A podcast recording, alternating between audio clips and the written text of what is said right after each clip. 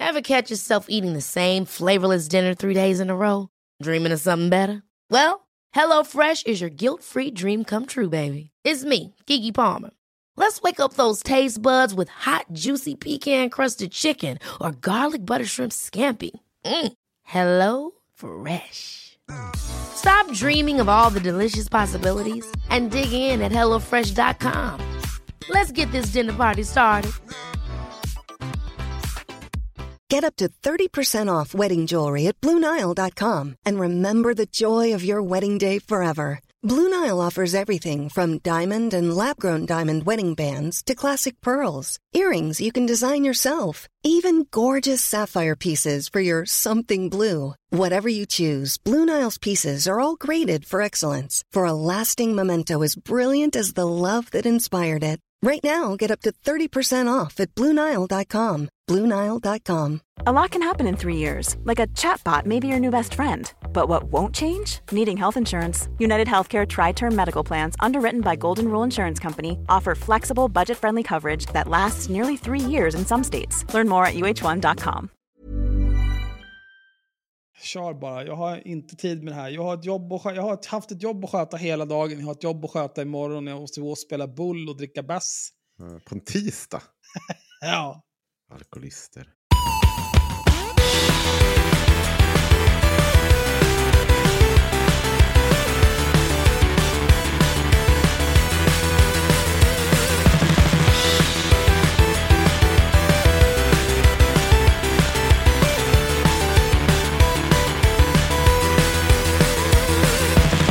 Men jag bryr mig inte om vad ni har gjort, jag skiter i hur ni mår. Kan jag inte få berätta med lördag? Nej! Va- Vad var det i lördags? När jag var ute på byn. Ja, okej, berätta det då. Ah, Men det är ju liksom bara en så här, vi- visste ni att jag bor i Dalarna, att alla här är inavlade? ja, det visste vi. Ja, jag gick ju på byn. mm. Gick in på krogen. Det tog hela tre minuter. Sen skulle någon slåss med mig. Det gick så jävla fort utför. Vad hade du för relation till den här personen, Henrik? Ja. ingen överhuvudtaget. Jag hade ingen aning om vem den här människan som ställer sig framför mig och ville slåss var. Jag, jag bara, vad i helvete är det som händer? Eh, men då visade det sig att den här människan och jag hade stött på varandra en gång för fyra år sedan. På en tillställning. Jag, jag vill inte gå in på exakt omständigheterna, omständigheterna för tillställningen. Bögklubb. Ja, precis, bögklubb. Men den här personen försökte slåss med mig då också. Och eh, kallade min fru hora om jag inte missminner mig. Och hade ett rejält jävla hå- hå- håll igång där. Kallade han din fru hora för fyra år sedan eller nu i helgen? För fyra år sedan. Ah, okej. Och han har fortfarande lika bra ölsinne. Ja, jag, jag, hade, jag hade genuint ingen aning om vem den här människan var. Men för fyra år sedan, eh, det, det tog ju en stund. Alltså, det var så jävla dumt. Och det är alltså exakt, det, det sjuka är, det här är inte ens på skoj, när jag inser det nu. Det var exakt på dagen fyra år sedan. Alltså, exakt på dagen fyra år sedan. Och då skrev jag till honom dagen efter. Inte så angenämt att råkas igår. Jag tänkte mest höra om du behöver min adress fortfarande. Eh, min sambo som stod bredvid när du skrek att du skulle göra hembesök låter hälsa att du är mer än välkommen. Men ställer du till med något problem eller skrämmer våra barn så kommer du få både med henne och mig att göra. Eh, jag vill inte se något bråk igår. Jag uppfattade det som att folk var beredda att eh, misshandla en person. Vilket kändes som en synnerligen dålig idé på den här tillställningen. Därför gjorde jag upprepade försök att fixa en taxi åt den här personen. Eh, få honom förstå hur illa han betedde sig att folk just var beredda att ge honom på truten. När han inte lyssnade på detta bröt jag ner honom på marken, försökte få min sambo att ringa polisen så vi slapp eventuella problem. Allt detta samtidigt som eh, den här personen försökte knä mig i huvudet och slå mig. Jag slog aldrig den här personen och jag var noga med att inte göra honom illa. Där någonstans kliver du in och börjar skrika. Vet du vad? Var, va? Hade du varit ordningsvakt, Ja, då hade du kunnat spendera eh, typ en kvart med att strypa den där personen. Ja. och döda honom. Och sen hade du fått typ villkorligt. Ja. Ja, men det gjorde jag inte. För jag, alltså, den här personen, eh, jag ska bara uttrycka mig så här. Den här personen som jag hade brutit ner på backen var inte på ett bra ställe i sitt liv. Den här, jag har inga agg mot den personen idag. Den här personen har tagit tag i allt det där. Det är liksom inte en dålig människa. Eh, det, jag har verkligen inget. Det var bara en pissdåligt grej och saker. Och, ja. Ehm, och då sa jag så att eh, nu valde jag att åka därifrån efteråt för att riskera att folk inte skulle bråka mer än vad som behövdes. Vilket är riktigt tråkigt och jag gärna hade velat fortsatt och vara kvar på den här tillställningen. Eh, och något som vi hade kunnat undvika, som ni andra bara hade sansat är att liksom lyssna på mig när jag upprepade gånger sa att jag inte ville slåss. Men jag förutsätter att vi lägger det här till handlingarna och att jag och min familj inte ska behöva fundera på om du tänker dyka upp med dig. Och då bad han och mig om ursäkt. Det här gjorde han då på kvällen och sa att det här lägger vi till handlingarna. Fyra år senare. Spola fram fyra år senare. Då var vi tydligen inte sams längre. Alltså nu, nu, nu när du förklarar så här, då känner jag att jag gillar honom ändå lite grann. Du begick honom en oförrätt för fyra år sedan. Ja. Men gjorde jag verkligen det? Begick jag verkligen oförrätt mot honom för fyra år sedan? Ja, det känns som att han ville bete sig illa och du hindrade honom i det. Så det skulle jag säga är Ja, oförrätt. det, det, det gjorde jag ja. Ja. ja. det, det gjorde jag. Men detta var inte personen som... Nej, nej, det var inte personen Nej. jag brottade Nej, ner. precis, det var precis. inte det. Utan Nej, det var en okej. person som bara kom.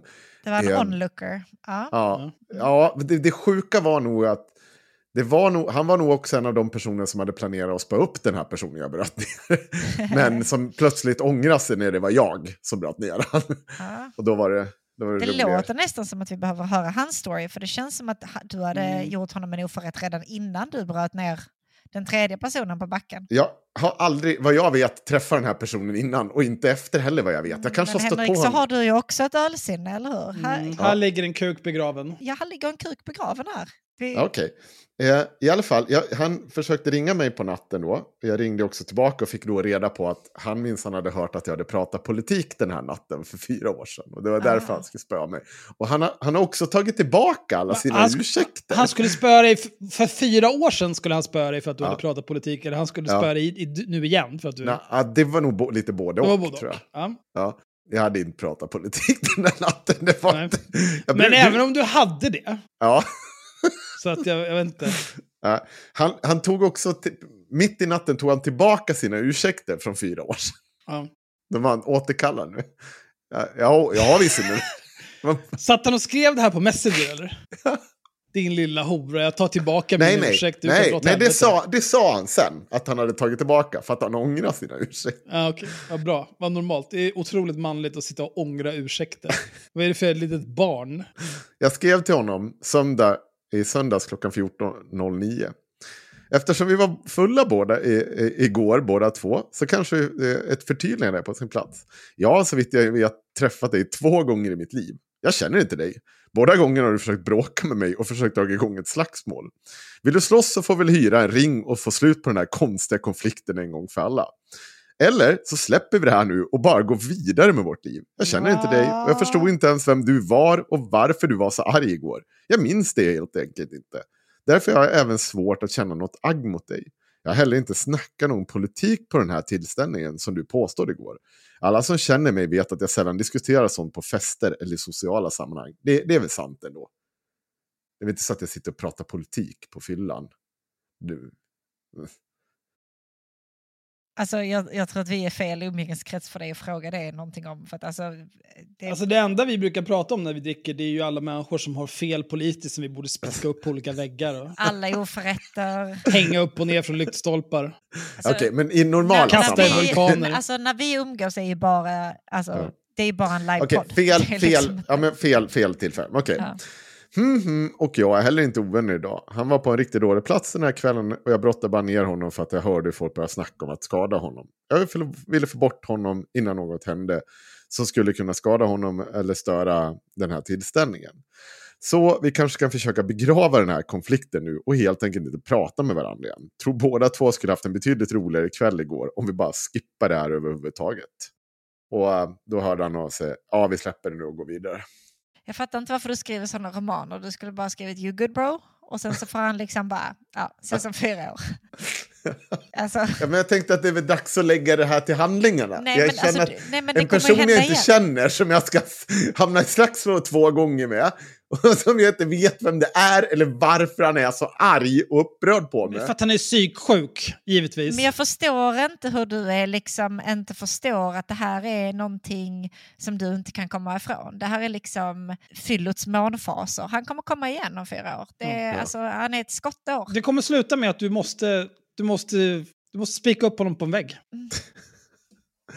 Ja, nu kommer han för evigt vara osams med dig också. Axel. Ja, han kan komma hit och spika upp honom direkt. jag har fan inte tid med sån här skit. Eller någon jävla skottårsfas du är inne i. Var fjärde år för ett psykbryt på NK. så jävla konstigt.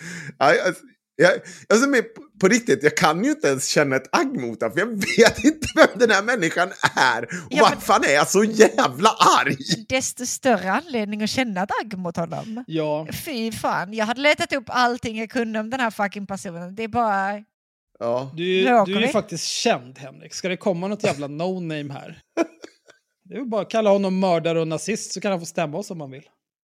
Någon som vi borde stämma, det är Johanna Blad. Ja.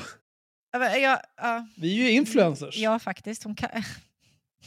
Det är fruktansvärt. Jag kan inte fatta att hon kan göra så här mot oss. Jag ska bara hämta en bärs. Johanna Blad har eh, eh, suttit på Instagram och haft- haft lite frågestund. Då skrev hon, fråga mig vad ni vill, lovar att vara ärlig. Då är det någon som har frågat, vilken influencer ogillar du mest? Och hon svarar, haveristerna. Punkt. Usch. Och då har de bildsatt det med en bild på henne, hennes barn och Linnea Claesson. Och då tänker jag, hur kan du säga så här om mig? Dels det här kränkningen i att vi är influencers. Som är en väldigt bra kränkning. Det är, en, det är ju en helt otrolig kränkning. Alltså. Ja. Det skär ju så djupt så att jag vet inte vad jag ska göra. Eh, men det är också den här, liksom, om man tänker på vad är influencer? Vad är en influencer för något? Jag tänker Ja. att för Johanna Blad så är väl en influencer, hon är ju en influencer. Ja, Någon som liksom så här, ja, jag, jag sitter här och eh, säljer på mina följare grejer. Mm. Eh, och så låtsas jag att så här, ja, nu, har jag ju, nu gör jag er den här stora tjänsten när ni får den här rabattkoden. Jag får absolut inte procent på varje försäljning. Absolut inte. Jag har absolut inte fått betalt för att göra den här posten. Absolut inte. Och så håller de på på det där viset och liksom är allmänt bara en vedervärdig person. Och det är ju inte en slump att hon liksom bildsätter det här med en bild på Linnea Claesson mm. som också är en influencer och som också är en klandervärd person. Men det finns ju en anledning till att vi har gjort typ fem avsnitt, kanske tio timmar totalt om vilken klandervärd person Linnea Claesson är, utan att ha blivit stämda för förtal.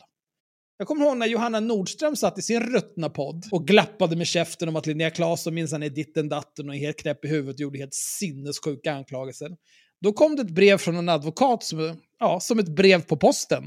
Då var det en season the sist och Johanna Nordström fick krypa till korset och säga Ja, nu har jag fått ett brev från eh, Linnea Claessons advokat som tvingar mig att säga de här sakerna, så nu säger det. Vet du vad du skulle gjort? Du skulle inte sagt någonting. Ta det som en vuxen! Vi ses i tingsrätten, vad fan håller du på med? Fega jävel! Oh, alltså, Fast det var ju också lite konstigare sak de sa också. Jo, men liksom...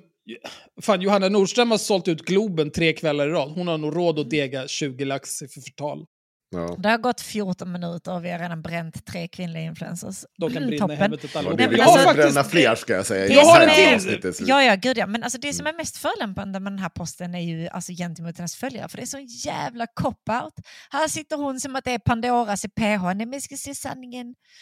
The whole truth, nothing but the truth. Och sen så bara vågar hon inte ens säga en influencer som hon tycker är dålig. Det finns ju 25 miljoner olika influencers som är dåliga av 25 miljoner olika anledningar. Du kan väl hitta ganska många influencers som inte stämmer in på ditt jävla tjejpepp. Alla är liksom lika värda oberoende hur de ser ut, om de är tjock eller smal eller har ett veck på magen, om du verkligen, verkligen trycker ihop dig. Så här, kan hon inte hitta en enda? Nej, nej, hon vågar liksom inte säga någonting för hon vill inte hamna i bråk med någon. Så, så säger hon haveristerna som inte ens är influencers. Alltså det är så jävla cop-out, din fege jävel svar på frågan. Big true. Jag tycker du har en jättebra poäng där. Alltså det, det är verkligen så här, bra. så ska hon liksom ta så här lite billiga poäng så här, och så spillsätter hon det med Linnea Claesson för att hon vet att hon förmodligen har en del följare som overlappar däremellan och så ska hon liksom vinna sig poäng på haha, ja, haveristerna. För att tyck illa om oss, jag bryr mig inte, jag kan inte bry mig mindre. Men fan är du? Men också så här, och hur kan de som följer henne tycka att det här är ett ärligt och bra svar? Modig tjej. Alltså snälla. Väx Ja. upp. Sen någon influencer du inte gillar, ge oss en vettig anledning till att du inte gillar den.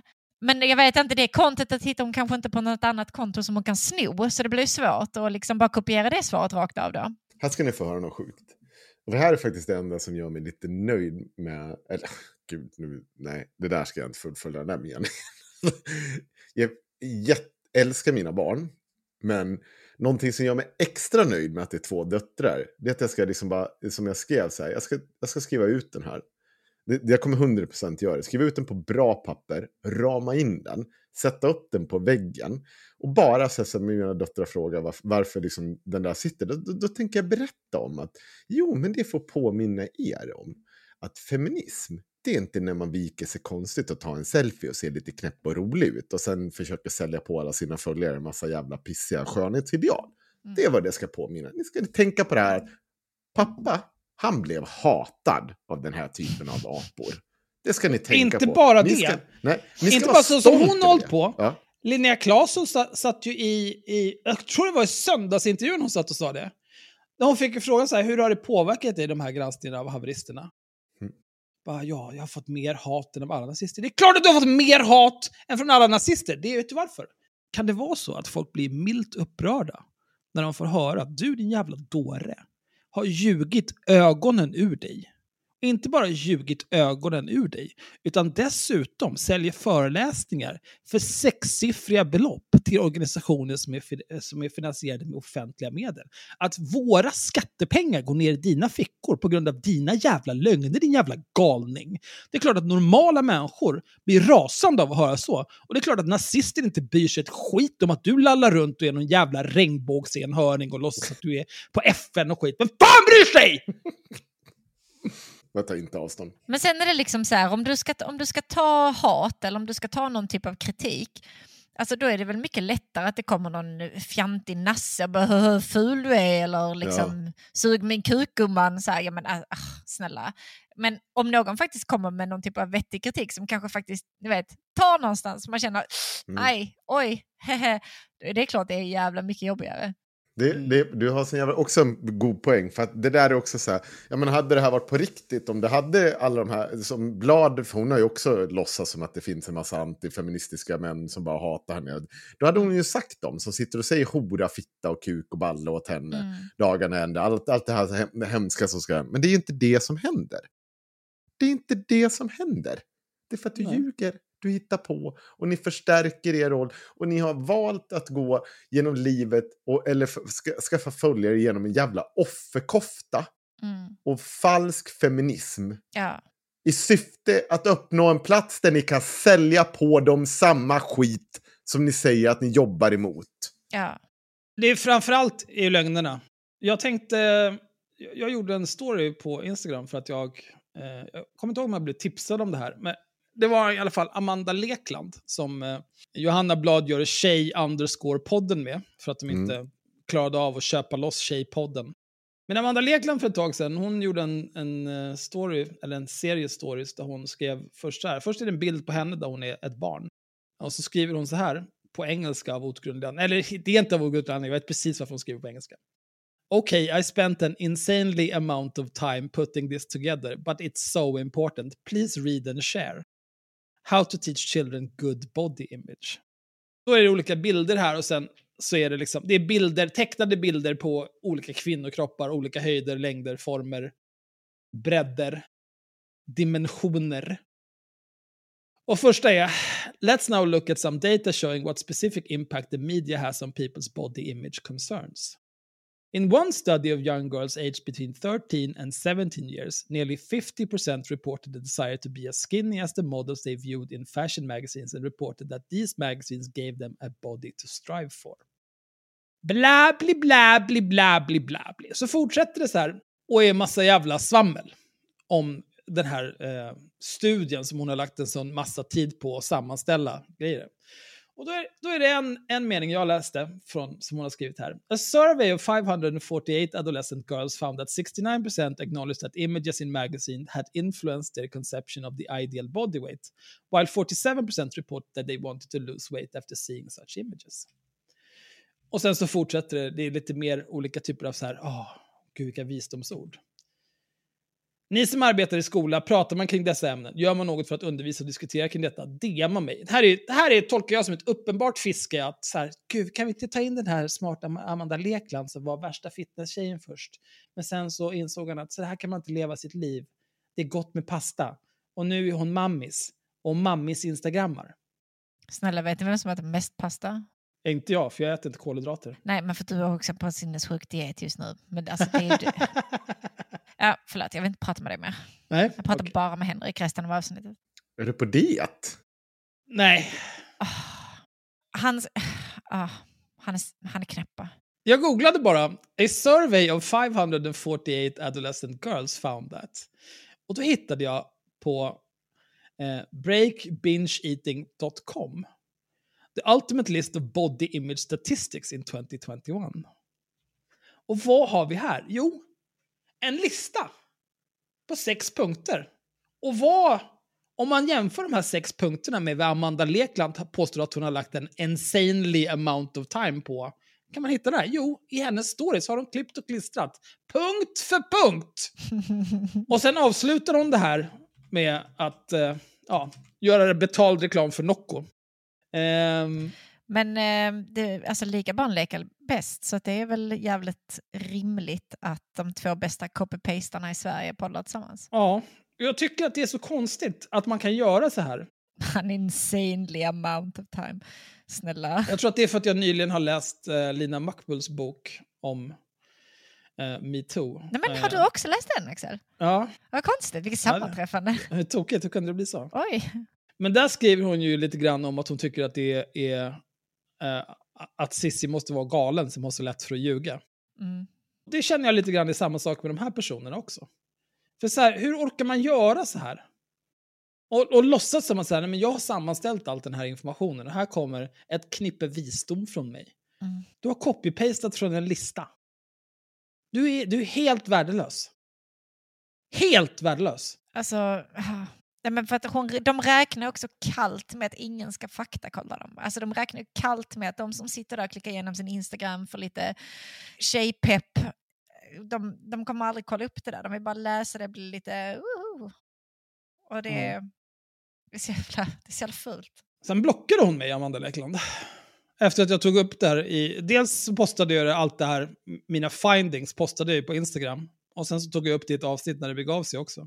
Men vad tror ni skillnaden hade varit? Alltså, tror ni skillnaden hade blivit stor för henne? Jämför nu det, den posten hon har gjort nu, när hon har spänt en insanely amount of time och sätta ihop de här grejerna. Mm. Jämför det med om hon hade gjort en post där hon säger "Eh, här har jag hittat en lista, de har sammanställt all den här och den här informationen, bla bla bla, detta är liksom slutklämmen. Så. Mm. Eh, detta är vad jag kommit fram till. Så kanske eventuellt någon e- originell egen tanke kring det hela, eller det, någonting som Amanda Lekland. Tror ni att det hade gjort någon skillnad för hennes följare om hon sa att jag har Absolut spenderat inte. tid och sätta f- samman denna informationen, eller titta, den här informationen jag hittat, den är baserad på det här och det här, jag vill dela med den till er. Tror ni hon hade fått mindre liksom, Nej, pepp Nej. från sina följare? Nej, 100 procent inte. För att, alltså, istället för att nu är det så här, åh, du är så himla smart, tack för att du har spenderat all den här tiden och satt ihop detta och man tror att hon är så jävla duktig. Men hade hon inte satt ihop det, hade hon varit öppen och ärlig med var den här informationen kommer ifrån, så hade det bara varit så här, det här är så viktigt, det är så bra att du delar detta på din plattform när du har så många unga följare, bla bla bla bla. bla. Alltså det hade varit det hade varit ingen hype difference överhuvudtaget. Hon hade ändå hyllats av sina jävla följare. Så jag förstår verkligen inte varför de går igenom trubblet med att ljuga. ja. Nej men så är det ju. Reply girls gonna reply. Ja, 100 procent. Det är inga konstigheter. Nej.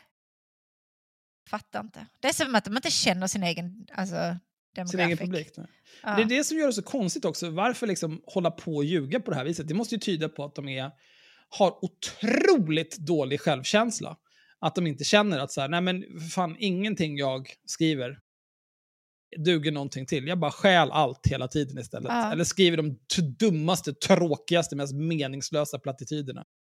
Det är Ja. gott när det är gott. Det är kul när det är kul. Jajamän. Ja, ja. Eh, Johanna Blad, Linnea Claesson och Amanda Lekland kan alla tre dra åt helvete i alla fall. På- En till som kan... Det, jag måste också bara läsa det här snabbt från Pontus Rasmusson. Åh, gud. This just in. Det här hade kunnat vara en influencer hon sa att hon hatade till Ja. exempel. 100 procent. E- Evelina Hane är ju en influencer. Ja. Ja, Om man nu tycker att... Man får inte kalla Alltså henne det, nazist, det men... finns ju billiga och öppna mål. Alltså öppna dörrar du kan sparka in. Det, och, och, alltså, varför är hon så jävla dum? Ja, förlåt, fortsätt. Pontus Rasmusson, vad har han gjort? men Pontus skriver så här. Det här är från en story. Det är många journalister som undrar vad min nya Barbie Girl-låt är. Och jag tänkte göra ett offentligt pressmeddelande här på Instagram. Det är så sjuk jävla lögn. Varför kan inte bara... Nej, ingen har fråga. Nej, ingen bryr sig. Varför ljuger du på det här sättet för? Varför är du på den här... Varför är du så konstig? Då skriver jag, den som gör rösten till flickvännen har fått lite kalla fötter och jag var tvungen att skjuta upp släppet på obestämd tid. Jag ska övertyga henne om att ni följare kommer älska låten och att hon kommer få kärlek från alla er så låten kan komma ut innan sommarledigheten. För att höra låten när den släpps behöver ni bara följa mig på Spotify och sen skriver han igen. Ska bara förtydliga föregående stories att rösten till flickvännen inte har sagt nej som någon trodde. Haha! Hon har älskat låten och jag får släppa den med mig men hon är bara lite orolig att den ska bli någon hatkommentarer eftersom att sociala medier ha, är en hatisk plats. Då, ledsen smiley. Men jag visar henne hur man ska hantera elaka ord på internet, alla Pontus style. Alla Pontus. Ignore and block. Gud. Hashtag ignore and block. Det är så sjuk lögn. Jag blir så arg. Han är så konstig. Alltså han skriver så många grejer som bara får att krypa i kroppen Ja. på mig. Alltså. Och det har liksom ingenting med garnrullartendenserna eller whatever, utan det är bara... eh, Alltså. Undrar när Christian Petersson ska hjälpa Pontus Rasmusson att stämma folk. Nej, men det ger mig så cringe-krypningar i stil med liksom, kommer, ni vet.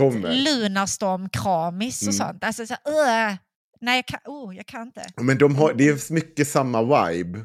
Det är väldigt mycket, Pontus Rasmusson och Christian Petersson, det är väldigt mycket samma vibe. Bara i två olika läger. Tappade. Så att, att de där två skulle slå sina kloka huvuden ihop och börja stämma folk för förtal, det skulle inte förvåna mig en jävla sekund. Nej. Herregud. Vi... ehm, jag har egentligen bara... Eller jag har många saker jag vill prata om. Men vi Ja. kan fortsätta på influencerspår om du vill läsa Cissis eh, långa rant. Det tror jag du Ah. må, kommer må dåligt av. men jag Men har- vänta, vänta, vänta. I, Nej, men jag har eh, läst... Vet du. Ja. Jag har eh, faktiskt läst den. Eh, och jag, jag, jag... Jag har inga starka känslor. Jag tycker bara att hon är tragisk. ja, men det är väl, jag tror att våra följare tycker om vi Och inte, kommenterar bara, hur alltså, tragiskt. inte tragisk, alltså mer så här patetisk. Ja. Det är nästan så att jag tycker lite... Om det inte vore för att jag verkligen... Alltså jag hatar henne. Nu, nu Av hela min kropp du det och här själ. till alla våra följare, Axel. Nu får du ju läsa det också. Du kan inte bara säga det där och inte läsa det. Men det kan jag väl göra. Ja. Jag kan väl göra vad jag vill. Ja. Nej, men jag, jag tycker liksom inte att... eh, Hon har ingen självinsikt överhuvudtaget. Nej. Det börjar gå för långt. Ja. Men det är, jag, jag, alltså det är ju... Eh, Sissi är upprörd. För att nu har ju hon faktiskt... Eh, för nästan två månader sedan...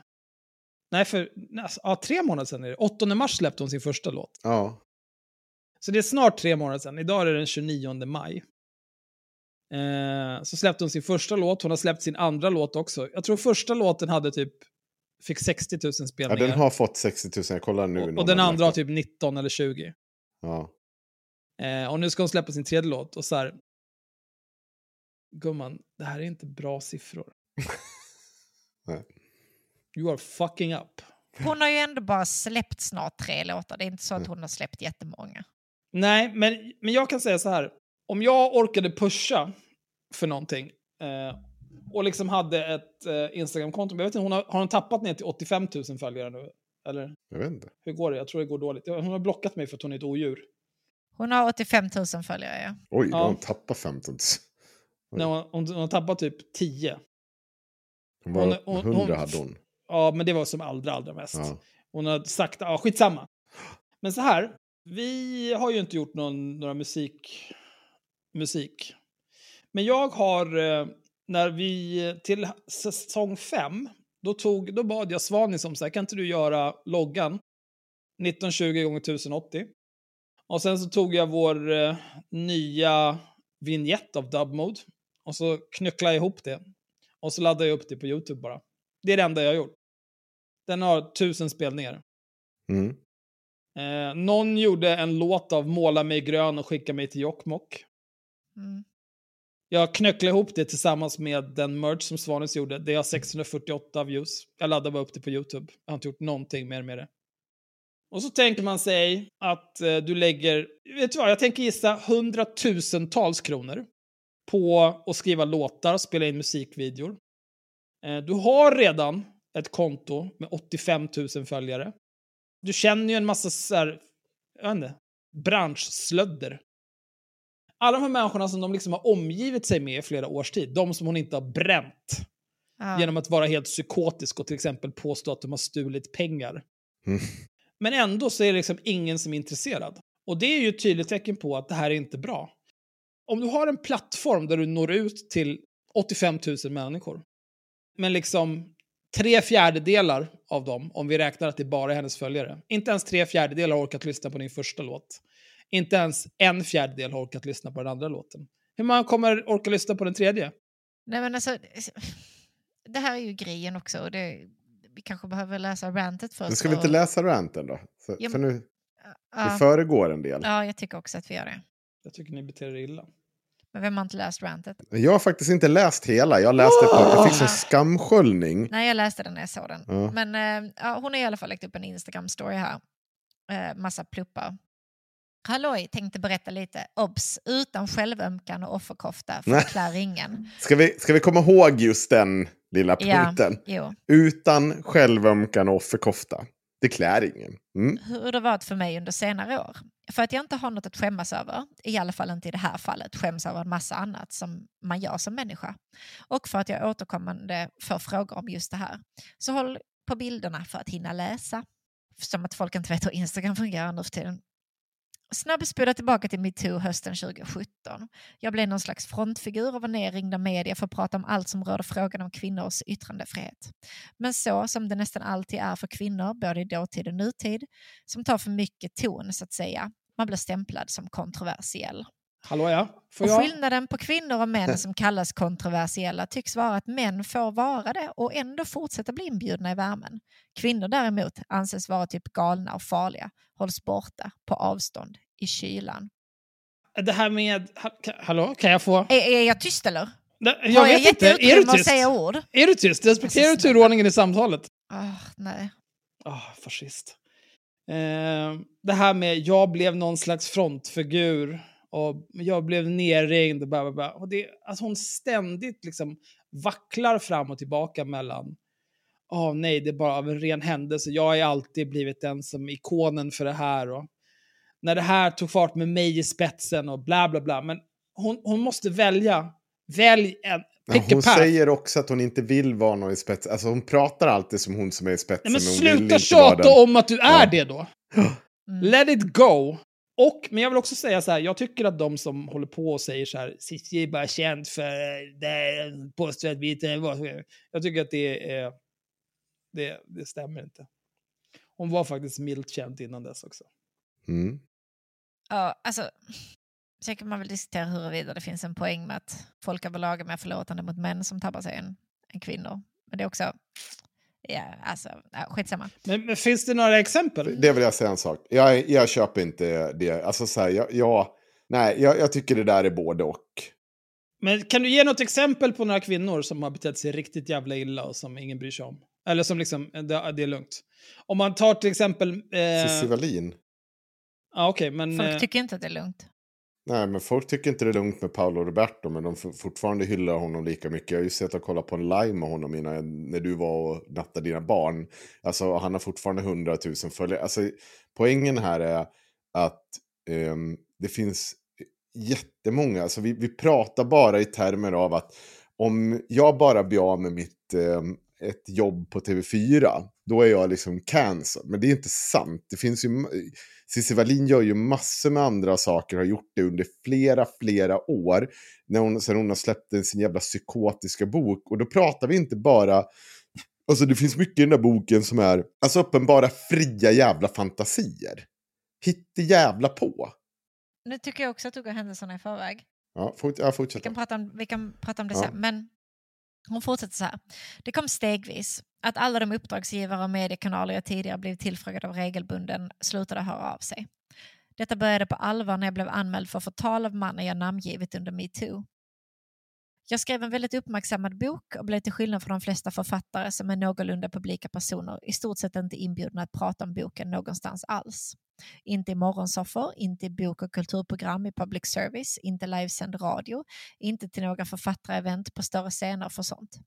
Trots att min bok var den höstens stora snackis och toppade listorna. Får jag, får jag lite snabbt här bara? Ja. Eh, Sissi gör alltid så här. Det är för att hon är dålig på att tänka. Hon är en korkad person. Så här, om Adolf Hitler återuppstod, Mm. satt sitt torp någonstans och skrev Mein Kampf 2, Ja. då tror jag att det skulle nog mycket väl kunna bli den här höstens stora snackis när det kommer till böcker. Tror jag att Adolf Hitler, The Risen, skulle få vara med i SVT och prata om Mein Kampf 2, där den slutgiltiga lösningen fortfarande är att gasa alla judar? Nej, jag tror inte. Jag tror inte. Och samma sak med den här, för att boken handlade om så här, ja, nu har jag skrivit en bok här om den här eh, anklagelsen som jag har gjort och nu riskerar jag att få betala en massa skadestånd för att jag har gjort det här igen, i ett annat format. Är det någon som vill bli insyltad i det? Ja, Cissi, du som verkar vara en så sund och normal person, kan inte du komma hit i direktsändning?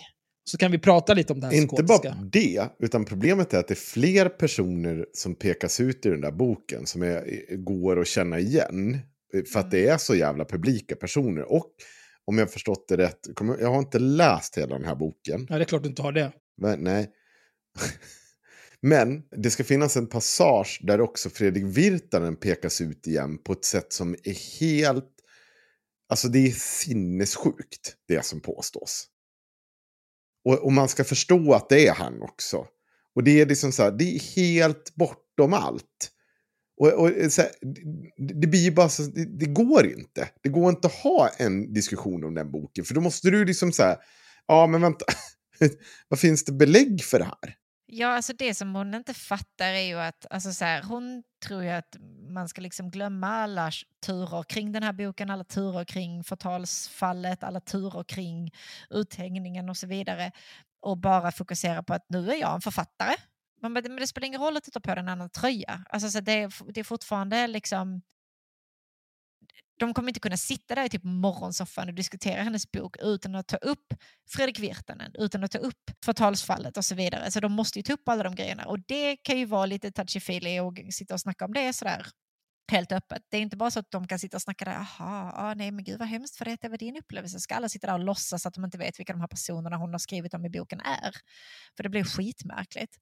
Och man måste också förlita sig på att Sissi är milt professionell och klarar av att inte balla ur. Alltså, ah, hon byter personlighet lika ofta som en annan byter underkläder. Det är helt sinnessjukt. Mm. En gång i veckan. Ja, ja. Men Cissi Artisten fortsätter skriva så här. Boken sålde trots det väldigt bra och jag överöstes med kärlek från er som läst den. Tack, älskar er för det. Men de recensionerna den fick i stora tidningar handlar väldigt lite om själva boken och väldigt mycket om mig som person. Det vill säga kontroversiell. Ja, men det är ju lite grann det här jag var inne på, eller hur? Att det kan liksom inte handla om hur bra författare du är, utan det måste ju handla om innehållet i boken som är väldigt, väldigt mycket förankrat i, förankrat i verkligheten och va, vad som händer just nu. För det var ju mitt under pågående Oh, ah, och sen så skulle ju boken, hon skulle betala ännu mer grejer så det var ju jävla massa körare. Ja, det, jag tror att det hade varit en annan sak om hon hade skrivit liksom otroligt kompetent science fiction. Ja, Som inte hade någon som helst koppling till henne som person eller hennes situation. ja. Då tror jag att mottagandet hade kunnat bli annorlunda. Men som sagt, Alltså- om Hitler återuppstår och skriver Mein Kampf 2, då vet man lite grann vad man får. Ja, alltså det är många som diskuterar om man ska skilja eh, vad heter det, verket från personen eller vad fan vad är det man brukar säga? Jo, men- men det handlar ju om när typ så här Michael Jackson knullar barn. Men Ja, men Thriller är ju fortfarande en bra skiva. Precis, det är inte så att Michael Jackson skrev låtar om alla barn han knullade. Alltså det var liksom inte, Nej, precis. Ja. Allegedly. Allegedly. Och Cissis låtar hade fortfarande kunnat vara bra, nu är de ju inte det. Nej, precis. Nej men alltså de är inte dåliga, det är bara Nej. De är bara med. generisk pop. Alltså så här, det är en låt. Ni vet att Cissi har gjort musik förut, va? Och som faktiskt är bra. Oj, nej, det Visste ni inte det? Nej. Nej. Jo, ja, men vi, fortsätt, fortsätt läs du så länge. Sen gjorde jag två dokumentärfilmer på temat kvinnor och yttrandefrihet. Det var ett tag efter boken, men svensk media och kulturetablissemang ansåg tydligen fortfarande att jag var för kontroversiell för att bjudas in i princip någonstans för att prata om dessa filmer. Samma liksom stuk här. Det var en metoo-film som handlade om din mamma och det var liksom väldigt nära dig som person och att då skilja verket från personen gör det väldigt, väldigt svårt att förhålla sig till. Eller? Och, och också, eh, ingen brydde sig. Jag kommer ihåg när en av de där filmerna, jag tror det var om de här polska kvinnorna. Ja, i Malmö. Ja, där, där var det, premiären var i Malmö och typ så här tre timmar innan premiären så var det två biljetter sålda Mm när man gick in på bokningssidan. Så här, visst, det är klart att de som inte bjöd in henne till det där, de kanske inte kände till det. Men jag gissar att de hade väl fått någon typ av så här förhandskopia och fått se den här filmen. Och, så att de får liksom, de kan ju inte bjuda in, bara åh, Cissi Wallin har gjort en dokumentär. Ni vet Cissi Wallin som inte är en dokumentärfilmare. Var, varför skulle någon vara intresserad av det? Utan då får man ju skicka filmen antar jag till någon som får fatta ett beslut. Så här, ja men det här var ju ändå ett gediget hantverk. Det här kan vi göra någonting av. Men eh, jag gissar att den var för jävla rutten. Det faktum att två personer orkade gå och se den säger väl det mesta. Ja, jag övervägde att gå och se den men jag hade förhinder. Jag kommer inte ihåg vad fan det var jag skulle göra. Ja, det är trist. Ja, skitsamma. Ja, då hade de haft tre biljetter sålda. Eller fyra Ja. om jag lyckades släpa med med någon stackare. Ja, det hade varit avdragsgillt. Mm. Okej, men hon fortsätter. Jag blev bokad till Go'kväll i SVT om man hade börjat kolla på flygbiljetter eller tåg till Umeå där det spelas in. Men i sista stund blev jag uppringd och fick veta att en ängslig chef avbokat mig. Gissa på vilka grunder? Du är för kontroversiell. Jag skojar alltså inte. Och kan komma på en hel rad män som dömts för allt från rattfyllor till narkotikabrott som gästat samma program för att prata om sina böcker, filmer, musik, offentliga karriärer. Pling, pling, pling, pling. Tror ni att en rattfylla har någonting med någons böcker, film, musik att göra?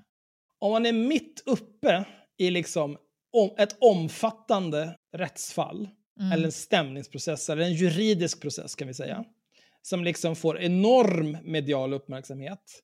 Och det handlar om att du har kört full, eller du har köpt drog. Knulla Tor. Eh, och du dessutom har skrivit en eh, bok om hur, liksom, nej men hur bra det är att vara rattfull. Ja. Och hur, bra, hur gott det är med drog. Mm. Då tror inte jag att den personen hade fått vara med heller. Nej, det tror inte jag heller. Men om det bara är så här, eh, jag var rattfull och sen så gör jag också alla de här andra sakerna. Mm. Det är 99% av min person. Ja. Men sen har jag också varit rattfull och jag har också gillat drog. Mm. Men jag vill helst inte prata om det för att jag har betalade mina böter och gick vidare med livet. Precis. Men om man gör det till hela sin person och identitet, att man är för kontroversiell och man är en ikon för metoo och man var en galjonsfigur för det här, trots att man inte ville, men man, det är det enda man kan prata om och bla bla bla bla. Och man då dessutom hela tiden använder din plattform med numera 85 000 följare till att fortsätta kasta skit Ja. i alla jävla riktningar. Det är liksom, Jag trodde att hon var musiker nu. Vad är det här för jävla wine? ja men det- här kommer relatera till musiken alldeles strax. Ja, okej. Nu ska ni få höra. Det här är så Cissi Wallin. Hon gjorde ju, det, det är ju en, serie cover som hon gjort om till svenska. Du, det kanske jag har sett någon gång på hennes story. De heter ju Kvinnohjärtat. Heter de. Ja, mm. Eh, nu ska vi se. Ena låten som, den var, som var den mest populära, som faktiskt var bra, den heter Mig äger ingen. Mm. Eh, och det är ju You don't owe me, den låten. Fast på svenska. Men vet ni vad? Alla de låtarna är borttagna på Spotify. Ja, det hade man inte kunnat ana. Nej, För att nu är det solokarriär som gäller eller? nu är det solokarriär nu. och de har funnits alltså fram tills, inte, jag vet ju, eh, Emelie har ju lyssnat på de här jättemycket för hon tyckte den här låten, och jag tyckte inte heller var helt fy skam. Var det Cissi och en annan kvinna som gjorde Ja. det här? Det var sista en annan kvinna. För att man, man får inte lov att ta plats för Cissi om man också är en annan kvinna. Det är en del av hennes feminism. Mm. Ja, vad säger du då Axel? Ja, får jag prata nu era horor? Kommer ni ihåg när Cissi Wallin skulle Åh, börja Henrik, podd? har du tänkt på det? Förlåt. Jag önskar att ni kunde se hans ansikte just nu. Han är så jävla rasande. Ah. Jag, ska, jag ska vara helt tyst. Kolla, jag mutar mig nu när du ska prata. Kommer ni ihåg när Cissi Wallin och Unni Drugge började podda tillsammans? Mm. Och eh, alla avsnitt av en annan podd som Cissi Wallin hade gjort försvann. Fan vad konstigt. Ja, vad konstigt. Ja. Ja. Ja, nu, jag har inte lyssnat på alla avsnitt av någon av de här poddarna, men det sades mig att det togs upp ämnen i den nya podden med Unni Drugge som också hade avhandlats i den andra podden.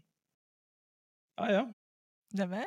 Jag är inte den som är den. Jag tycker, det, jag, jag tycker det är bra med folk som reinventar sig själva. När haveristerna väl crash and burnar. Det första som kommer hända, jag kommer ju radera alla spår av er två från mina sociala medier. Jag kommer förinta alla avsnitt av det här. Och sen har det alltid bara varit Axelpodden. Det är inga konstigheter. Ja. Det låter jättebra. Mm. Sista artisten säger så här. Och var påtänkt som gäst till P4 Extra då jag varit dagens långintervjugäst för några år sedan innan jag blev lika publik som jag blev efter metoo. Detta var alltså ganska nyligen för att prata om sådant eh, offentliga långintervjugäster pratar om. Men så fick en chef slash producent för sig att jag var för gissa ordet och vinna en Tesla. Nej, alltså, det, det, jag, jag tror inte ett skit. Alltså, det, hon kan bara sitta och ljuga om det här. Jag tvivlar inte en sekund på att hon bara hittar på hälften av det här. Alltså jag har ingen aning. och Jag har, jag har inget intresse av att faktakolla henne heller. Nej, men vi vet ju om det här. Det, hon har gjort det här hundra gånger förut. Hon bara ljuger ju rakt Ja. ut. Så att det är, man vet ju inte vad som är sant. Men så här, och var påtänkt gäst. Men vad, vad menar du påtänkt? Du hade pratat med någon som hade någon typ av ytlig relation till P4 som sa att de kanske hade nämnt ditt namn i korridoren eller? Alltså det kan vara Mm. liksom... Ja, det betyder ingenting. Äh, men så här, någon som arbetar för P4 Extra eller kanske bara någon annan gren av P4 gillade en gång ett icke Cissi-negativt Instagram-inlägg. Eller? Alltså, Mm. det, det, är så him- det kan vara, det kan vara vad fan som helst. Det kan vara vad fan som helst. Nästa bild. Till slut börjar man ju, börjar man ju skratta åt det. Åt svenska homogena övre medelklasschefer inom media och kultur och deras extrema, omoderna äng- ängslighet och inkonsekvens. Men så fastnar skrattet i halsen, för detta är fan inte okej. Vad har jag gjort för att blockeras på detta vis? Du har varit helt sinnessjuk i hur många år som helst. Du har bränt folk till höger och vänster, ljugit oavbrutet om folk, anklagat folk för saker de absolut inte har gjort. Du är helt galen. Ska vi bara skicka Cissi-avsnitten till henne eller så hon kan få reda på vad hon har gjort? För hon verkar ha glömt allt det här. Det är Helt konstigt. Ja. Tror man på allvar att jag ska sitta och skrika ut random namn på män plus han är våldtäktsman i radio eller tv när jag är där för att prata om en bok Så du gjorde eller det på en Instagram, film? så att Ja, du gjorde Eller det på musik. Insta. Ja, och du har gjort det om helt random män och du har inte Ja. haft någon gräns alls där. Du har sagt vad fan som helst om folk. Kanske att jag kan tänka mig att musiken inte är lika relaterad till alla metoo-turerna. Men att prata om böckerna eller filmerna, är ju, alltså hennes dokumentärfilmer, de är ju i högsta grad knutna till det. Ja. Och då känns det som att hon helt plötsligt börjar sitta och säga saker i tv-soffan. Så men det är helt okej kanske. Kanske möjligtvis om hon skulle prata om sin musik, att man kan styra samtalet därifrån. Kom ihåg att det var i, i, i perspektivet Cissi så är det alltså så här, det här är tio minuter efter att hon har bränt hela sitt jävla Instagramkonto med hundratals anklagelser mot olika personer som inte har bäring i verkligheten. Och så bara låtsas som, nej men jag är en ny Cissi nu. Nu behöver inte jag prata om någonting. Nu vill jag skapa musik. Så då ska alla prata med mig som om ingenting har hänt.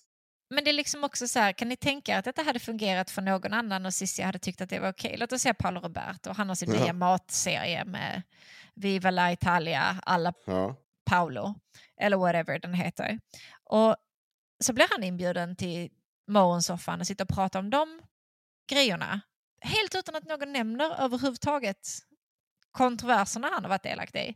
Tror ni att hon hade suttit där och tyckt att det var jättebra gjort att de lyckades undvika att prata om de där jobbiga ämnena och istället kunde lyfta fram de bra sakerna Paolo har gjort?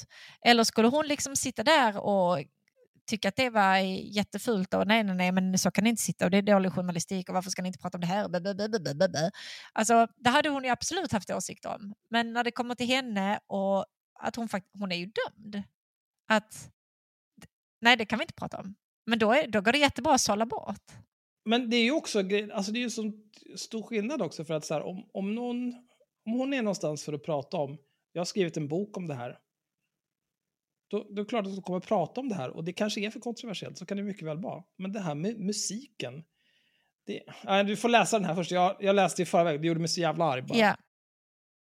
Så nu när jag, över fem år efter metoo-hösten 2017, sadlade om för att bli artist och låtskrivare, en långvarig dröm, och fortfarande stöter på samma argument till varför jag inte kan bokas, då börjar jag undra på riktigt.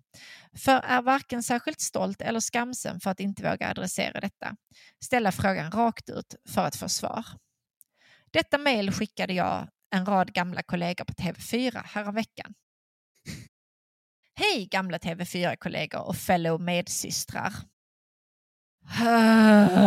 Ska jag läsa det? Nej, men alltså jag blev bara... Det är också, det är lite, det är inte riktigt Pontus Rasmusson cringe, men det är också lite cringe. Men okej. Jag ska fatta mig hyfsat kort och vill adressera detta mejl till er tillsammans eftersom jag hoppas det kan landa bäst och, på rätt, och rätt på så vis. Som ni alla vet så har jag både släppt en bok och nu på sistone egen musik skapad ihop med några av Sveriges främsta låtskrivare och producenter. Jag var en flitig bokad gäst och även fast panelist på TV4 i flera år. Men när metoo brakade loss hösten 2017 så var det från en dag till en annan en dörr som stängdes. Sedan dess har jag sett mina branschkollegor bjudas in för att prata om sina böcker, poddar, musik och så vidare, men inte jag. Jag vet att flera av er har föreslagit mig som gäst, men ständigt fått nej från redaktör eller någon annan högre upp på kanalen. Min agent Charlotta Flinkenberg har flera gånger kontaktat era redaktörer för Nyhetsmorgon och Efter fem sedan i vintras angående att jag sadlat om och släppt egen musik som hittills gått riktigt bra och blivit en snackis. Kan vi pausa lite här? Det har inte gått bra på något vis, inte enligt någon metric. Var har det blivit en snackis? På hennes Instagramkonto och i den här Ja. podden. Men, men begriper ni att hon har skickat det här till människor? Du, du sa att det inte här var lika mycket cringe som Pontus. Det här är fruktansvärt! Det här, det här är hela mejlet, ja, men jag bara reagerar på fellow medsystrar. Ja, Ah, ja, nu fortsätter vi. Men även hon har mött kalla handen. Trots att jag har en väldigt välkänd bakgrund, spännande historia och att det finns stort allmänintresse kring det som varit och det som nu är och komma skall för mig. men det, Kan- det, kan vi pausa Du här? kan inte Det ha enda kakan hon- och äta den! Det enda hon är känd för är nu det här med Virtanen. Det är det enda hon är känd för nu. Ingen bryr sig om något annat. Kommer någon ens ihåg gardet? Kommer, no Kommer ni ens ihåg att gardet existerade? Kom- Nej, ingen bryr sig. Nej, kommer ni ihåg, kommer ni ihåg Ja. PR-byrån? Kommer ni, kommer ni ihåg Tjenare kungen? Och är den relevant så här sh- 30 år sedan? 20? Ja. 30 år senare? Och så här, spännande historia. Vad är den spännande historien? Nej, men alltså, så- men det, ja, men det här är ju verkligen så här. Du vill inte att de ska hålla på och snacka om det, hänga upp sig på vad som hände på metoo och bla, bla, bla, bla, bla. Men nu helt plötsligt så använder du det som någon typ av selling Ja. point för dig själv här. Och det är ju bara lite... Mm, Okej. Mm. Ehm, Okej. det är med stor sorg, ja, faktiskt sorg, men också frustration som jag börjat inse att jag på något sätt är blockerad från TV4. Och detta Ja, och det tvärt. kräver fan en hel del, Cissi Wallin. Det kräver fan en hel del. Har du sett vad det är för kreti och pleter de släpar in i den där jävla kanalen? Ja, fan. Ja, det är Här är jag! Jag har kokat eh, cancermedicin på mitt lim hemma. Elsa Lantz har klippkort där. Ja. I morgonsoffan. Ja. Elaine Eksvärd är ju där varannan varannan dag. Bara massa jävla lallare. Ja, hon är blockerad från TV4. Och detta tvärt sedan jag tog ställning för kvinnorna som anmält och pekat ut Martin Timell. Jag skrev även i min bok Anonymiserat om hur min redaktör på Nyhetsmorgon, när jag jobbade som flygande reporter där i 25-årsåldern, skickade olämpliga meddelanden till mig på kvälls och nattetid. Ja. Det är ju inte så kul att känna sig smått konspiratorisk, men nu måste jag ändå ställa frågan rakt ut. Uh, vänta, och vädja till er som jag ser som fina och vettiga före detta kollegor att ge mig en chans. Varför ska jag vara Det bannad eller blockerad? Det Eller här är ett hot. Ja, det är det. Det är ett hot. Det här är inte ett så här, nej men det för det är ju så här, när jag jobbade som flygande reporter 25 år sedan skickade olämpliga meddelanden till mig på kvälls och nattetid. Det är ju inte så kul att känna sig smått konspiratoriskt. Nej, du insinuerar att det Att finns de håller här, att folk de om håller ryggen. emot dig. Mm. Ja, Och att du därför ska Nej, men att de håller någon typ Ja. av förövare om ryggen. Det är Ja. det Och att de nu ska liksom bjuda in henne för att visa att de är på hennes sida och inte den här Mm. förövaren då. Ja, 100 procent. Men det är också hennes eh, MO. Hon är också helt vidrig som publicerar sånt här publikt. Det är precis som Ja. de höll på med när, när eh, Socialstyrelsen skulle komma och ta Unnis hundar. Ja, det är det. Men det är ju den här jävla pöbelmentaliteten. Varför ska jag vara bannad eller blockerad eller vad man nu ska kalla det från TV4 när så många kända män som har betydligt mer så kallat kontroversiellt förflutet är välkomna? Är man rädd för att jag är galen och skulle säga något olämpligt i direktsändning? Ja, lite grann kanske. För det kan jag försäkra er alla eventuellt ängsliga om att det kommer inte ske. Nej, men det är också, Nej, okej. Du är oftast inte mest galen så. Det är oftast sen efteråt på din Instagram och med din enorma följarsvans som du bara dunkar ner i pannan på folk som de kanske är lite rädda för. Jag vet inte. Kanske inte så sugna på det. Om drygt två veckor släpper jag min tredje singel. Bifoga den här så ni kan lyssna. Och ber er att i alla fall försöka ge mig en ärlig chans att få gästa och prata om det nya kapitlet i mitt liv som nog faktiskt räddat mitt liv efter allt som varit. Linnea Deb och jag skulle vara två himla bra gäster som duo för att prata om hur det är att satsa på sin dröm runt 40 och vara äldre kvinnor som finner varandra i en bransch än så länge mansdominerad. Ja, det Åh, gud! Som betal... Alltså, du betal... Du må... Menar hon att musikbranschen är mansdominerad? Är det? Ja, jag antar det. Eller Mm. att vara känd över 40 eller någonting. Det är väldigt Men hon försöker hitta hooks bara. Ja. Hooks att så här, snälla se mig. Ta i Ja, men mig. Det Gör är det som är så mig. tragiskt med det här. Tack för att ni orkar läsa och håller tummarna för att vi hörs. Kram, Mm. Sissi. Men det, hon har ju liksom blivit en gråtande clown. Ja. På alla sätt och vis. Det, nej. Det kändes såklart jobbigt, självutlämnande och lite skamset, trots att jag ju säger att, de inte, att det inte ska vara skämmigt att, reag- att reag- har- Ja, förlåt. reagera har på när man känner skam. Vad fan, hur går det för er? Ja, men hon har ingen skam i kroppen. Du kan inte sitta och säga att du, du, du kan inte publicera det här. Först skicka det till alla dina kompisar, publicera det inför 85 000 personer och sen säga det kändes såklart jobbigt och lite självutlämnande och skamset. Nej! Det gjorde det inte. Du ville anklaga TV4 för allt det här för ingen jävel har svarat på dig Sissi. För att de tänker, oj, nu har galningen fått tag i min mail. Herre jävla gud, block, block, block. Block. Block Ja. och hej. Ja, nej men alltså det här är liksom bara början på att kasta följarsvansen i ansiktet på TV4. Mm, Alltså det här det kommer inte sluta här. nej. Ja, i alla fall, var var jag? Trots att jag ju säger att det inte ska vara skämmigt att regera på när man känner sig så orättvist behandlad. Reagera. Nej, reagera. Hon skrivit regera. Det var det jag fastnade på innan medan du höll på att stroka ur samtidigt. Mm. Men ville ändå adressera detta i hopp om att dessa kvinnor jag beundrar och har respekt för ska se det skeva i hur olika kvinnor och män som anses kontroversiella hanteras. Gud, alltså, Och jag ville adressera att det i allra högsta grad sker bestraffning av kvinnor som tagit för mycket ton. Berättar du om sexism, trakasserier, övergrepp och liknande kommer det att bestraffas. Framförallt jättefint att hon spär på den rädslan hos folk som, men skitsamma. Vad händer nu? Jag är inte beroende av att medverka i svensk media eller andra stora kulturevenemang för att kunna förverkliga mina drömmar och vara kreativ. Du är lite beroende av det för att folk ska lyssna på din musik som du släpper. Och sen kanske du vet bjuda in dig på musikarenor. Du har just tjatat om att få komma till TV4 genom att vara lite, göra lite skämmigt och självutlämnande. Ja. Men hon menar ju det skulle vara kul om eh, någon brydde sig om vad jag gjorde. Men Mm. alltså, min man har ju tillräckligt mycket pengar för att jag ska kunna hålla på med det här hobbyprojektet tills jag tröttnar. Om tre veckor. Och det här har hon för övrigt också bildsatt när hon står och tar sig på tuttarna. Av oklar anledning. Jag vet inte vad du och dina tuttar men de är ju lite, lite högre upp än så eller? Det där är ju... Det kan lika gärna vara ett djupt andetag så här Ja, som ja. hon ska Men det är väl bara en pose. Jag, jag ger en pose. Nej, jag i och för sig ammat två barn som mina tuttar sitter inte riktigt där de ska heller. Men det, Det har väl Cissi också gjort. Jo, ja, men men precis. De kanske är där, jag vet inte. Det var inte meningen, så jag ber om ursäkt. Jag vill inte prata mer om Cissis tuttar nu, jag tycker det räcker. Ja, jag vill aldrig mer prata om tuttar. Skitsamma. Fortsätta berätta viktiga och spännande historier på olika sätt. Alltså för att vara kreativ, fortsätta berätta viktiga, spännande historier på olika sätt. Men det faktum att jag har den här blockaden, den här stämpeln som leder till beröringsskräck på den här nivån, gör det såklart svårare.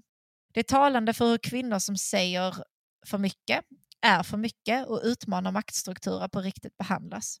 Det är talande för vilket pris det har att inte vara ett så kallat bekväm och strategisk i en värld som inte gillar kvinnor som är och säger för mycket.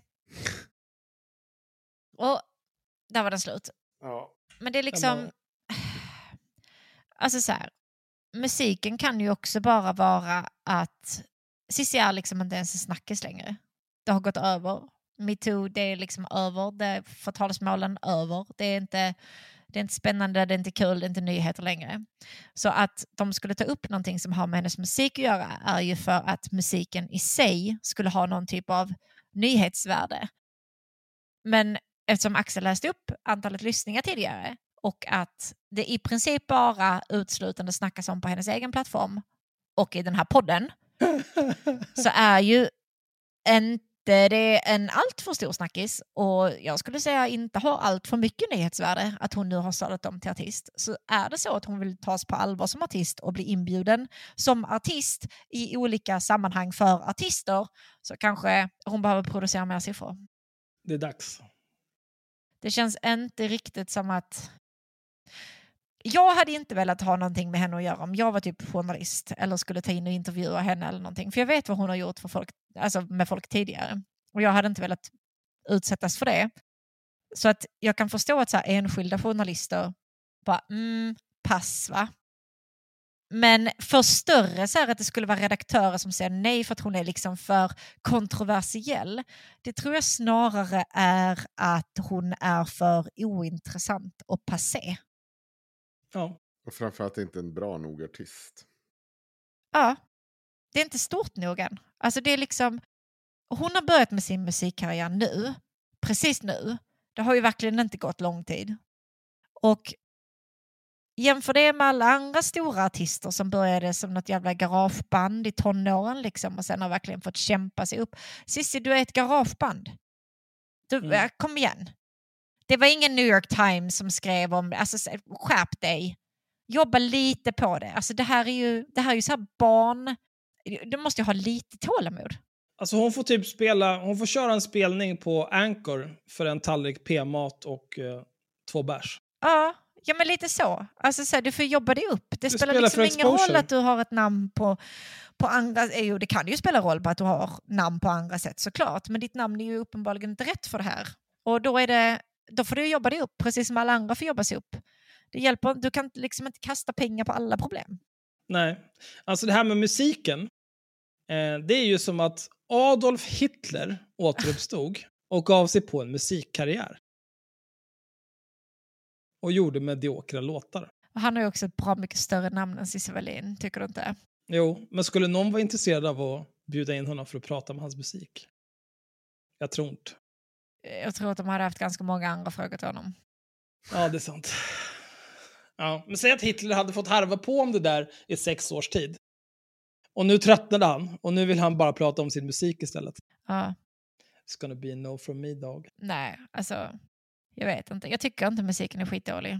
Men eh, jag tycker inte om Böl-Cissi heller.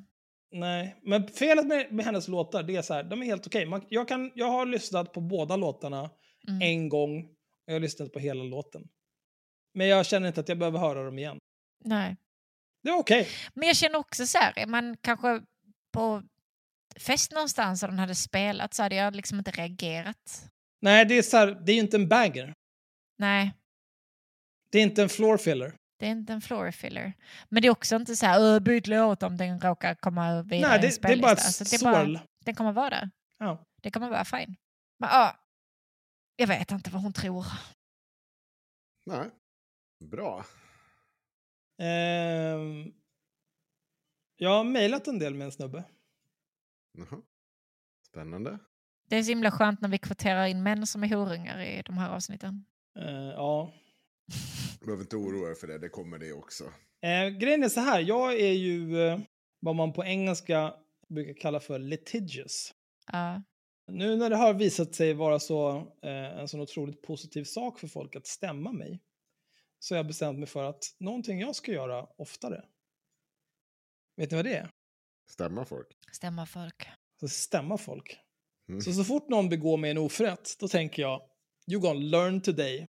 Jag behöver någon som kan äh, läsa den andra rösten. Ska jag? Okej. Ska jag? Henrik. Vad, vad behöver jag då? Ja, Men jag skickar en i taget. Okej. Gud, blir- nu blir det här någon typ av rollspelsgrej känner jag. Sitter jag här mitt i ett förspel grabbar. Oj. Känns lite äckligt faktiskt. Eh, Det här har sin början i att eh, Boris Benulic, Mm. Ehm, ja vi kan ju läsa lite på hans Wikipedia. Får se, han kanske stämmer mig för förtal då. Ehm, vi kan läsa det som är intressant att läsa om honom. Eh, Benulic har varit redaktör på den kommunistiska tidningen Stormklockan och marknadschef på vänsterförlaget Ordfront. Han var på 1990-talet kolumnist i tidningen Metro och mellan 2001 och 2011 vd för Kraft och Kultur. Han är bisittare i den libertarianska nyhetspodden Radio Bubbla. Eh, libertariansk eh, betyder här, som vanligt när man pratar om libertarianer, fascist. Benulic var mellan 2001 och 2011 vd i Kraft och Kultur, numera Switch Nordic Green, ett bolag i Troms Kraftkoncernen. Bolagets huvudsakliga verksamhet var inriktad på inköp och försäljning av miljövänlig energi till hushållen. Från 2001 hade bolaget även viss kulturverksamhet i form av bland annat försäljning av böcker och ljudböcker. Benulic tvingades lämna bolaget sedan det uppdagats att han manipulerat räkenskaperna. År 2011 kom Ekobrottsmyndigheten att inleda förundersökning mot Kraft och Kultur. Anledningen var misstankar om grovt bokföringsbrott. Enligt bolagets styrelse fattades 1,8 miljarder kronor. Yikes. Sedermera växte åtalet till 3,8 miljarder kronor. Benulic dömdes 8 juli 2015 av Södertörns tingsrätt till fängelse i tre år och sex månader samt fem års näringsförbud för grovt svindleri och grovt bokföringsbrott. Sedan december 2021 är Benulic chefredaktör för nättidningen Morgonposten. Nasse Blaska. Eller konspiratorisk. Det är mer så här vaken... nej, men de, eh, de utger sig för att vara en, en riktig Ja. tab, den enda riktiga svenska tabloidtidningen. Och det har de väl rätt i, för det är väldigt snaskigt och så här mycket braskande rubriker och hej och hå.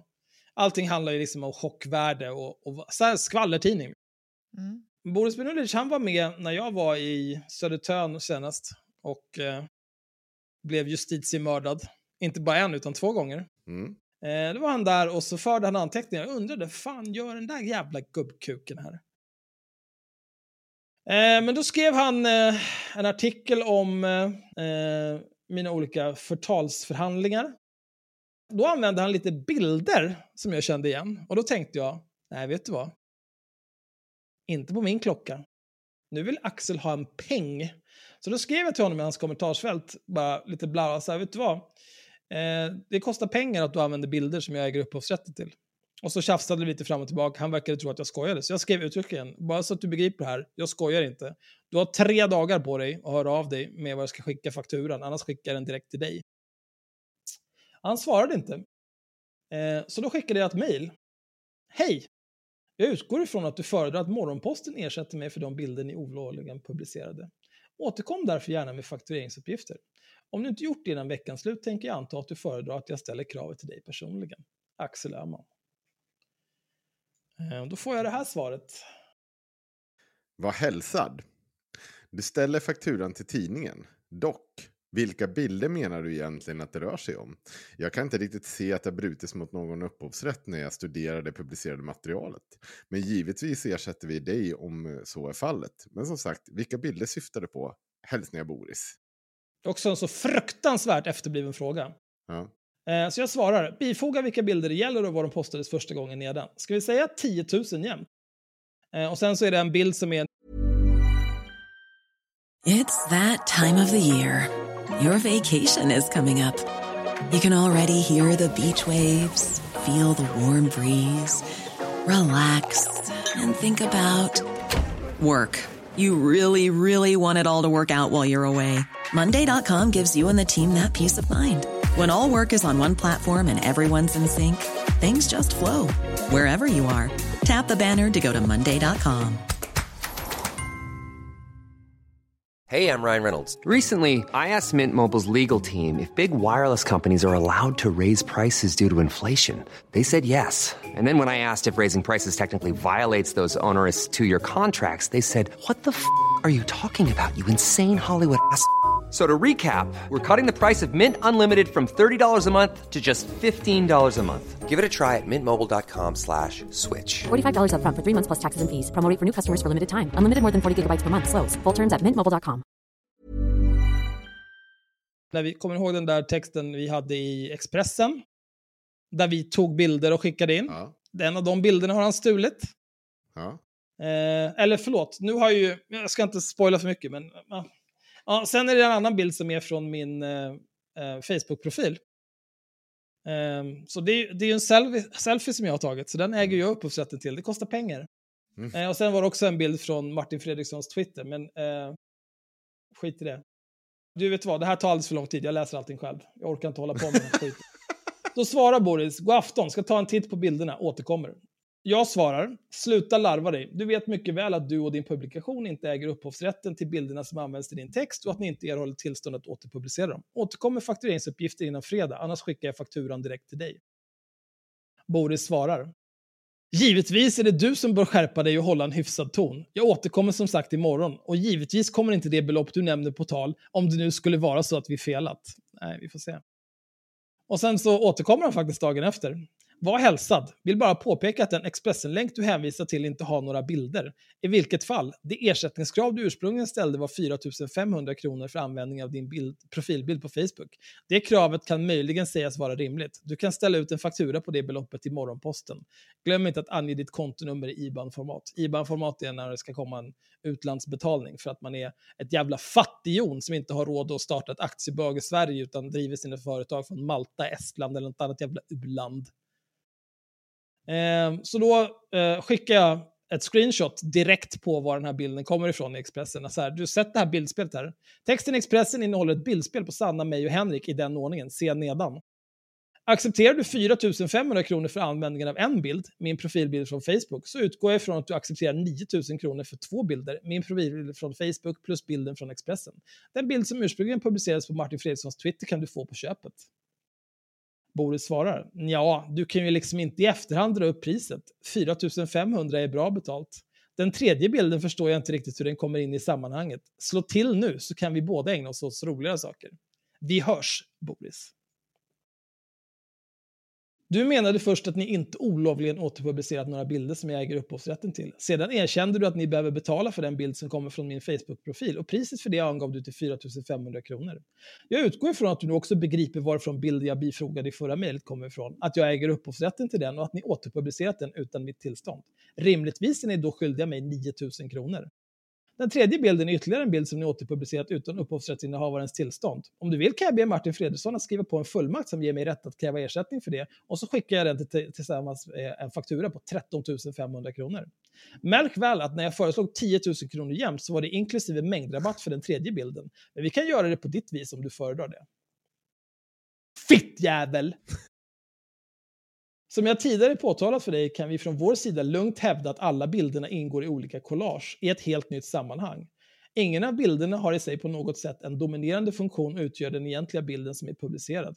Att vi i vår outgrundliga godhet kan gå med på att betala 4 500 kronor enbart för att få saken ur världen, eftersom vi har viktigare saker att göra. 1. Vad ni har gjort med bilderna spelar ingen större roll. Det är fortfarande otillåten användning. 2. I vilket sammanhang bilderna förekommer spelar ingen roll. Det är fortfarande otillåten användning. 3. Dominerande funktion eller ej, det är fortfarande otillåten användning. 4. Att det inte är den egentliga bilden, utöver uppenbar otillåten användning erkänner du också, alltså också otillåten ändring. Mitt bud är fortfarande 9 000 kronor för att vi ska vara klara med varandra. Du är välkommen att återkomma med ett rimligt motbud och eller faktureringsuppgifterna till er publikation. Jag kommer inte lägga mer tid på att gå i cirklar med dig. Du verkar helt oinformerad om de rättsfall som funnits om hur bilder används i collage. Det går utmärkt att göra om rättens bedömning är att något nytt uppstått. Jag har mycket att göra inför första maj och vill inte heller harva mer med detta. Så av outgrundlig generositet kan vi tänka oss 6 000 kronor totalt. Och jag förstår inte riktigt det där med att du ska sända fakturan till mig. När överenskommelse uppnåtts sänder du den givetvis till företaget. Du kan ju inte välja ut någon som arbetar på företaget och tillställa dem en faktura bara för att det är en person du känner till. Skulle jag fått en faktura hade jag givetvis bestridit den och med ovanstående argument hade vare sig inkasso eller fogden tagit i den med tång. Då hade du tvingats stämma mig och på vilken rättslig grund det skulle skett tror jag faktiskt du själv har svårt att förstå. Men, nog diskuterat, 6 000. Det tog det vara självklart Är det du som skriver nu? Ja, nu är det jag som skriver. Det tog det vara självklart att jag har mycket mer att göra än vad du har. Och mitt intresse för att harva vidare i detta är i det närmaste obefintligt jämfört med ditt dito. Därför går jag i min enorma, kolossala, för att inte säga allomfattande generositet med på 6 000 kronor som ersättning och skadestånd för ert otillåtna användande av de två bilder jag äger upphovsrätten till. Med detta har ni mitt tillstånd att fortsätta använda dessa bilder i den text de nu är kopplade till, men endast där. Dessa bilder får ej utan mitt explicita tillstånd användas i eventuella framtida artiklar eller andra sammanhang. Anledningen till att jag tänkte skicka fakturan till dig är för att jag har ditt namn, din mailadress och din fysiska adress. Vad jag kan se finns ingen motsvarande information för Morgonposten på er sida. Ej heller hittar jag Morgonposten på allabolag.se. Jag har inte evig tid till att lägga på efterforskningar för att se till att fakturan blir korrekt. Jag har därför upprepade gånger bett dig att tillhandahålla de uppgifter jag behöver, såsom organisationsnummer, mailadress att skicka fakturan till och så vidare. Så fort jag har den informationen jag behöver för att ställa fakturan så skickar jag den med gängse 30 dagars förfall. Sen har han tjafsat lite grann mer fram och tillbaka, gett mig något jävla momsnummer till något estniskt bolag som inte finns. Mm. Eh, tjafsat lite grann om att han inte vill, för att det är betalning mellan EU-länder så han vill inte betala någon moms på de här 6 000 kronorna. Det har varit lite fram och tillbaka här. Mm. Eh, så han skriver, efter ett tag så, så här, eller han får fakturan, allt ser rätt ut, bla bla bla. Eh, ni får betalt på studs. Dock ser vi nu referensen till Happy Bubble OE på tok fel, så den kan ni stryka, inklusive vattnumret. Det ska bara stå morgonposten. Fakturorna måste se rätt ut för bokföringen. Återigen här då. Benulis dömdes 8 juli 2015 av Södertörns tingsrätt till fängelse i tre år och sex månader samt fem års näringsförbud för grovt svindleri och grovt bokföringsbrott. Tror du att det kommer ta råd från dig av hur man sköter bokföringen, eller din jävla idiot? Eh, jag borde i och för sig noterat det direkt och jag kan ju inte gå in och peta i fakturan. Men fixas så betalas den som sagt omgående. Då pratade jag med haveristerna Media Groups redovisningskonsult. Mm. Återkom med lite information till Boris här. Du har helt rätt i att det är bra om fakturorna är rätt i bokföringen. Av just den anledningen behöver jag i så fall få ett annat vattnummer av dig. Enligt min redovisningskonsult blir det annars, enligt svensk lagstiftning, svensk moms på betalningen. Har du inget emot påslag på 25% kan vi förstås skicka fakturan enligt ditt önskemål ovan. Låt oss göra det enkelt. Ställ den bara på, till morgonposten och så låter vi det löpa så lägger ni på momsen så får vi det ur världen. Bifogar uppdaterad faktura. Varsågod. 6 lax plus moms. En enkel mejlväxling senare. Nej, du ska inte betala mig. Nej, okej. Okay. Vi får se. Snälla, betala inte den här fakturan. Inget skulle göra mig gladare än att få stämma dig rätt upp i din farmors mjölktänder. Fy fan alltså. Sänk varenda jävla krona jag har för att skicka in dig på kåken igen, ditt äckel. Ja, vi lever i en annan värld som jag Ja, det, det här är- det är konstigt. Nej men, så här. Någon som kommer till mig, till mig, Mm. och så här, nej men hur du ska veta att jag månne minsann. Vet du vad? Vet du vad? nu har du nog gjort bort dig för att I can do this all day. Ja, ehm, jag ska berätta en sak ehm, innan vi går in på kanske det sista, för jag ser att tiden rinner iväg och vi ska väl upp och jobba allihopa. Nej. Ehm, Och jag måste dricka. Bass imorgon också. Ja, bäst imorgon va? Bass. Eh, eh, Oidipus, eh, en följetong här på eh, podden. Ja. Han blev fälld Jag blev ägd igen. i hovrätten. Han fick åtta månader på kåken. Fortfarande åtta månader på kåken. Trist. Eh. Kunde inte hänt en bättre kille. Nej. Däremot så um, ändrades tingsrätten, eller eh, hov, så här är det. Eh, ni som är patrons, eh, ni kan lyssna på hela eh, tingsrättsförhandlingen. Eller visst har vi lagt ut den va? Ja, den ligger nog där. Ja, den ligger nog där. Eh, så att vi, så vill ni, för, för egentligen hovrättsförhandlingen var väldigt lite annorlunda. Eh, jag ska, och det kan jag ta med ett par ord, så jag behöver, inte dra ut det här i all evighet. För ni som har lyssnat på tingsrättsförhandlingen vet ju vad som sades där. Mm. Ni vet hur försvaret är. Jag ska recappa det för alla andra, men jag tycker att ni ska lyssna på tingsrättsförhandlingarna. Eh, han har, jag, jag vill bara säga det, han har i olika sociala medier Oidipus. Eh, det här är alltså, är du ny här av någon anledning och inte liksom har hört det här, ja, du, då behöver du backtracka här lite och bli Patreon. Du får lyssna på alla avsnitt Ja. från första, så bara framåt. Red ut det här bara. det är en person som har förföljt oss och varit sjuk i huvudet hur länge som helst. Ehm, han fälls i tingsrätten för olaga hot men frias för två fall av ofredande. Och det som hände var så att han överklagade domen om olaga hot och tyckte att han skulle minsann inte eh, bli dömd för det. Och eh, jag valde att överklaga de här två fallen om ofredande. Eh, och det här var lite av en chans. Jag hade alltså kunnat få bli tvungen att betala det här ur egen ficka. För eh, tingsrätten sa i princip så här. Vi tänker inte ens bedöma om det här har varit ett ofredande. För vi kan inte avgöra om det han skrev på Twitter var ämnat för Henriks ögon.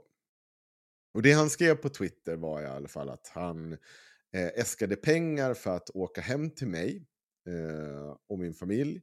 Och eh, pengarna skulle gå till eventuella framtida böter och eh, vad fan var det mer? Ölkostnader och någonting mer säger han. Mat och logi säkert. Ja. Ja, men, men det som var grejen var ju såklart då att han sa att det skulle gå till framtida eh, eventuella böter. Eh, och det, är inte liksom, det går ju inte att tolka som något annat att han ska komma hit och begå någon typ av brottslig handling. Mm. Sen har han försökt eh, hävda att han har aldrig sagt att han ska hem till mig. eh, Och bara påstå att han sa att han skulle till Avesta. Men det här är en lögn. Det finns jättemånga... Alltså, allting är ju sparat när han säger att han ska åka dit till min lilla by och, och att han ska åka runt här och göra grejer. Och han säger också att ja, men, så här, han har ju insinuerat att han ska begå olika typer av brott och grejer på olika sätt. Under en jättelång period. Och det jag har varit förbannad över i tingsrätten, det jag tog upp med min advokat, det var ju att tingsrätten säger två saker. De, de beter sig som att vi har varit två som träter. Eh, att, det, att jag skulle typ sökt kontakt med honom på olika sätt, vilket jag inte har gjort. Jag har inte, sökt, jag har inte i princip tilltalat honom eh, annat än att jag vill inte ha kontakt med dig sedan 2021, tror jag, i två års tid. Trots det har han fortsatt söka kontakt med mig. Han har eh, gett sig på min fru, han har gett sig på er, han har gett sig på våra vänner, han har gett sig på folk som ska komma och gå på rättegången. Han har varit helt sen. Han har varit hem till en av våra vänner, en kvinna, Mm. och försökt skrämt henne i hennes hem. Sen har han låtsats som att han aldrig var där. Eh, alltså han har varit så jävla skev i huvudet. Så att Han det- är ett jävla äckel. Ja. Så i alla fall, eh, så i tingsrätten, så det, det hans försvar lägger upp, det är i princip så här. Henrik har skrivit vår Wikipedia-sida, alltså haveristernas Wikipedia-sida. För där står det någonting om att vi är kontroversiella och, och söker konflikt med folk. Jag kan läsa upp det. Jag, jag ska tillägga att jag visste inte om att vi hade en haveristerna Wikipedia-sida, eller vad jag minns i alla fall när det här lästes upp för mig i tingsrätten. Um, jag ska läsa upp det här. På sin Twitter-profil beskriver Henrik Johansson sin roll i podden som grävande satiriker. Öhman uppger att podcastens personlighet har en lång historia av bråka med rasister och nazister på nätet och beskriver programmet som en forum för att skratta och spy galla över hycklande eller på annat sätt förkastliga aktörer i det offentliga samtalet online, oavsett deras politiska hemvist. Andra beskriver haveristernas samtalsämnen som kritik mot orättfärdigheter och rasism, hyckleri och lögner i en stil som anses som grov, vildvuxen och rufsig. Och det är det här de påstår att jag skulle ha skrivit. Ja. För att det ska då rättfärdiga att han har bara betett sig likadant. Nu ska man ju komma ihåg att han i slutet på augusti 2021 så säger Oidipus att han ska samla ihop de här pengarna. En månad senare åker han, en yrkeskriminell pundare som numera är död, och Jonas Hållén, journalist på Bulletin, de åker hem, ska åka hem till mig. Men han grips på tågstation i Krylbo misstänkt inledningsvis för försök till eh, eh, Grov misshandel. grov misshandel. Och det är polisen som upprättar det. Det är också en sak som han har hållit på att tjata om i rätten. Att jag skulle ha ringt till polisen och tjatat om det. Utan det är polisen som kollar upp när han börjar lägga ut grejer, för han är så jävla dum så att han sitter och berättar om allting, att vad som ska ske på Twitter. Och vid det här tillfället så har ju polisen koll på honom, för då, det är ju då vi upprättar de här anmälningarna och söker kontaktförbud. Så de har ju koll på honom. Så då kollar ju de när han lägger ut att han ska till Avesta. Han lägger inte ut vilket datum. Men polisen går ju in och begär ut det av SJ. Och får ut då vilket datum han ska komma. Så de lägger sig ju bara bakhåll för honom. Och griper honom på station. Men han är så jävla korkad som, och fattar inte att sånt här sker. Han Nej. fattar ju inte att man kan sitta Ja, men och allting är säga... en konspiration och, och, mot honom. Ja, han, han fattar inte att man kan sitta och skriva på internet hela dagen att man säljer knark och sen åker dit för att man säljer knark. Ja, det är Det är så jävla korkat. I alla fall, eh, och så det är inte bara det där. Han, det de också hänvisar till i tingsrätten, det var eh, när Axel sitter och pratar om, eh, om honom onämnd. Nja, jag konstaterar bara att om folk ränner runt utanför mitt hem och beter sig som horungar, Ja, just det. då är det lätt att man kan få huvudet öppnat. Ja, det är du sitter och pratar Och det- om det. Och det är, jag vet inte, en en enkel lösning är ju att bete dig inte som en horunge utanför mitt hem, så att Ja. jag får reda på det. Så är- har vi inte ett problem. Men jag vet inte om du tvunget ska vara utanför mitt hem och bete dig som en horunge. Jag menar, varför stannar du inte bara hemma? Är inte det lättare? Men i alla fall, det, så i tingsrätten så säger de, försvaret hänvisar till den här Wikipedia-sidan och det Axel har sagt. Det finns också, de, man spelar också, inte i tingsrätten, men man spelar upp det i hovrätten av någon anledning. Jag pratar om någonting helt annat i, det, i ett, ett liveavsnitt. Jag pratar ingenting som rör den här människan överhuvudtaget. Eh, han säger själv att han tror att jag inte pratar om honom. Men hans advokat påstår Mm. att jag pratar om honom. Vilket gör det så otroligt jävla konstigt. Bra att de är överens. Ja. Men i alla fall, tingsrätten efter det här tingsrätten, de, de dömer honom för olaga hot. Men inte för förtalen, för då säger, eller för ofredanden. För då säger de så här, vi kan inte, vi kan inte se att han ville att Henrik skulle veta om det här. Och då vart jag så jävla arg, för att jag visste ju att det står ju i, i förundersökningen. Jag har ju lämnat, vi har ju lämnat in hur mycket som helst som visar att han kontaktar mig, skriver om det här, vill såklart ha pengar till att göra en hinsa. Det är klart att han vill att jag ska se det här.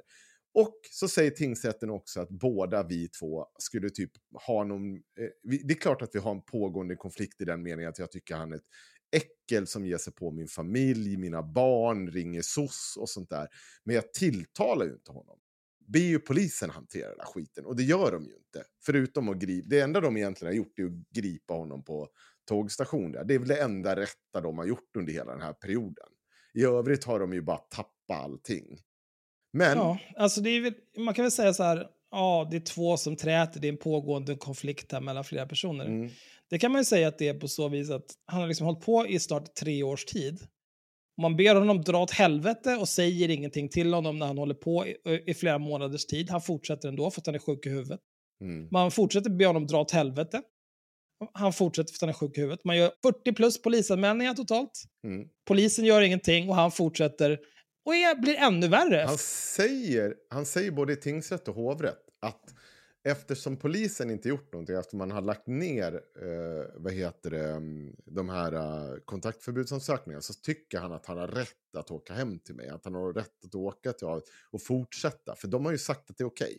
Mm. Han, han beter sig som ett godkännande, att polisens icke-agerande är ett godkännande för honom att fortsätta. Alltså det är inte så så samtycke fungerar. Nej, det är verkligen inte så.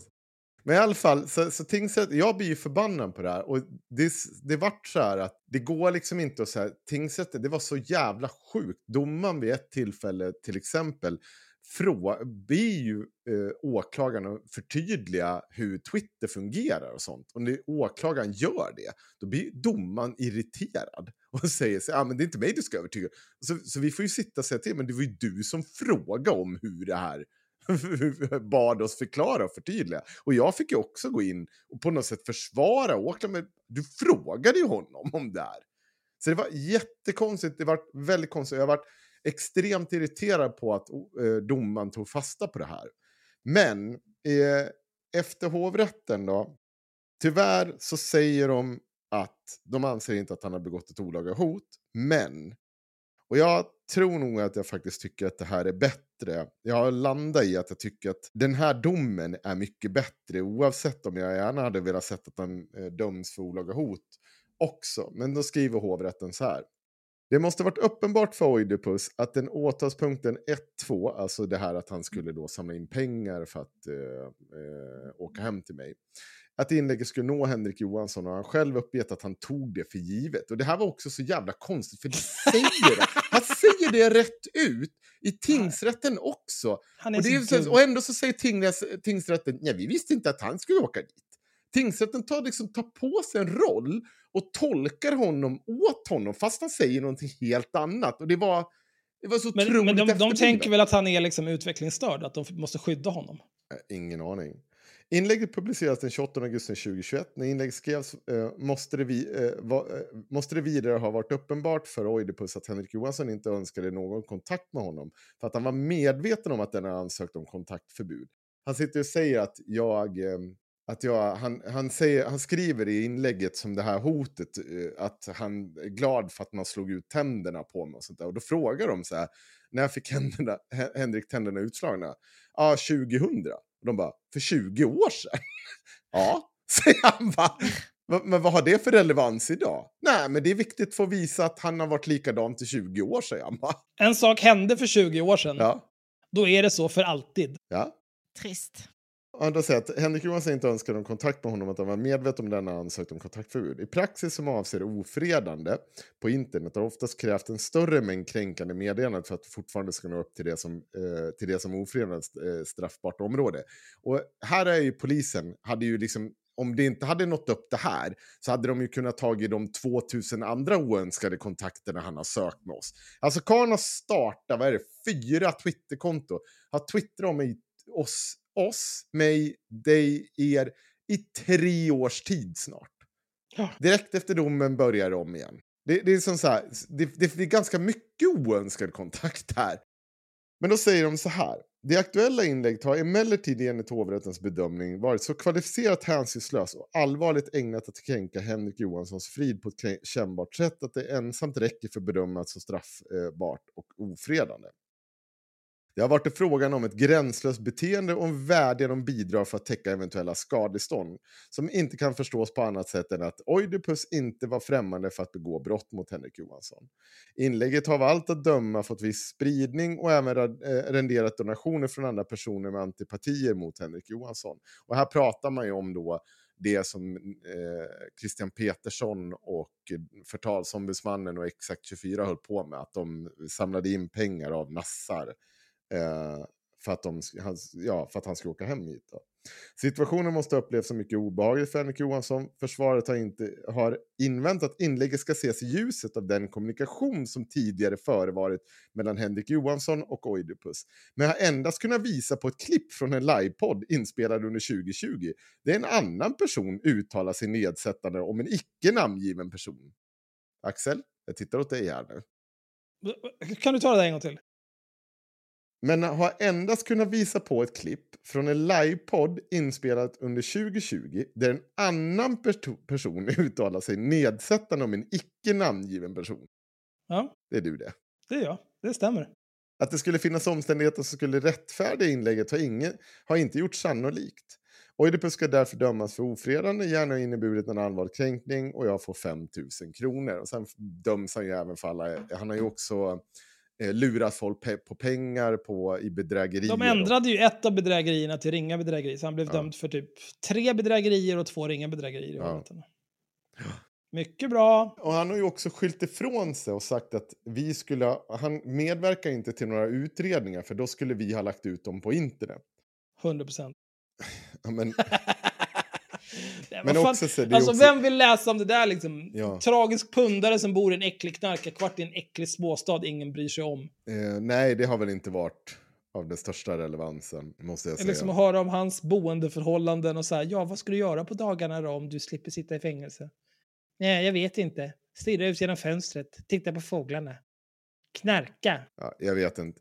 Men i alla fall, så att jag är väl nöjd med det. Och han kommer ju inte få det här överklagat, det är bara att glömma nu. Och så nu är det här lagt till handlingarna. Han skröt ju direkt med, nu börjar han ju samla in nya pengar Eh, Jonas Åhlén hjälpte honom att alltså Bulletin, Jonas Åhlén då, som jobbar för eh, tidskriften Bulletin. Eh, kom ihåg det, journalisten Jonas Åhlén sitter och sprider att den här pundan samlar in pengar för att betala skadestånd för sina knarkförsäljningar, för sina bedrägerier och så, såklart för ofredande mot mig.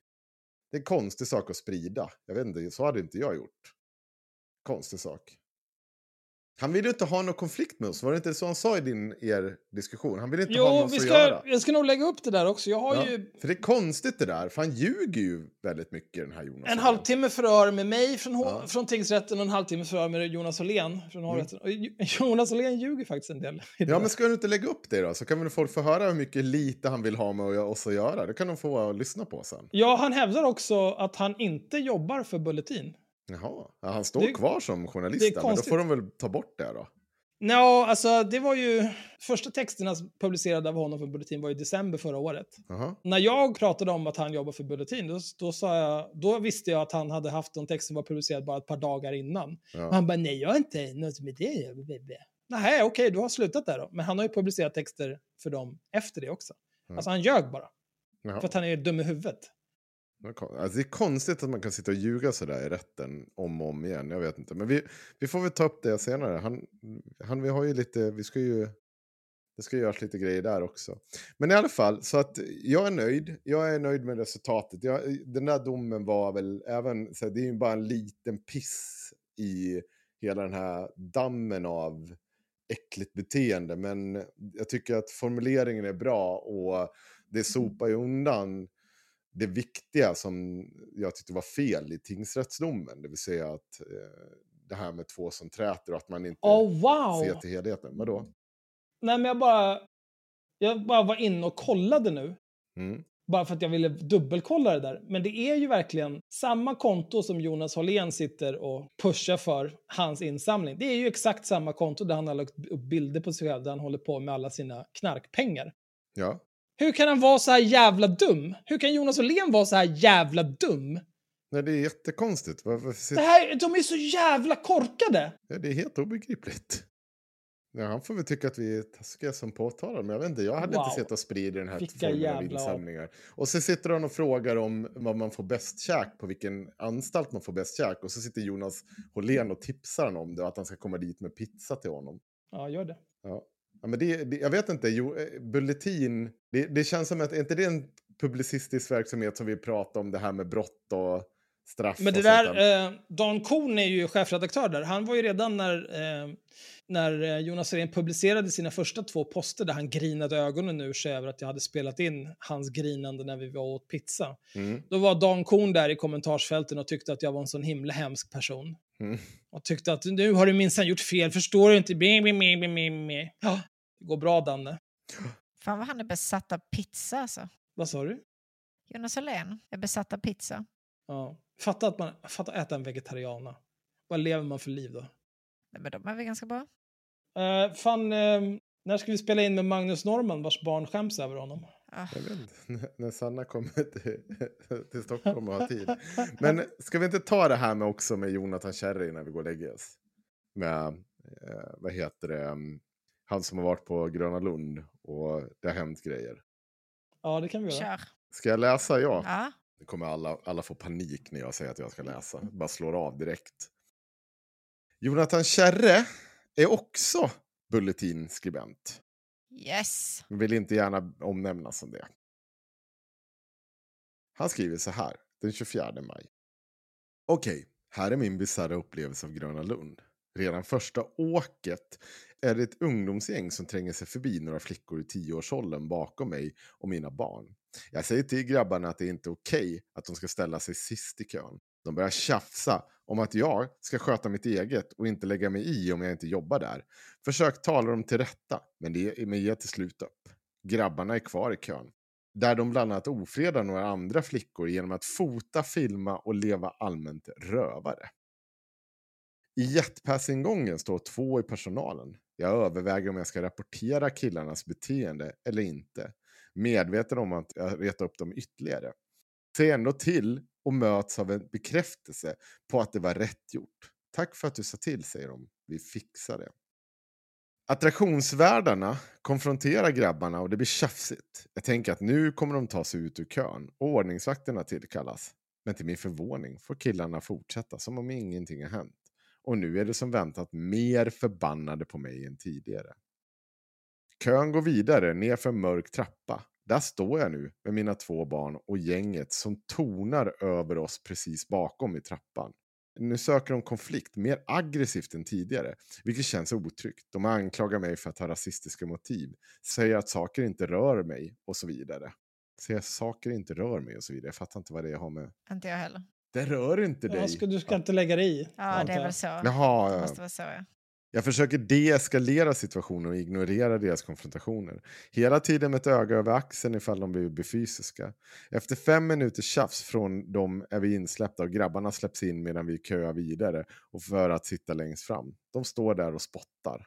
På golvet, ja de står där och spottar på golvet, det var en förlåt, mm, tweetbrytning.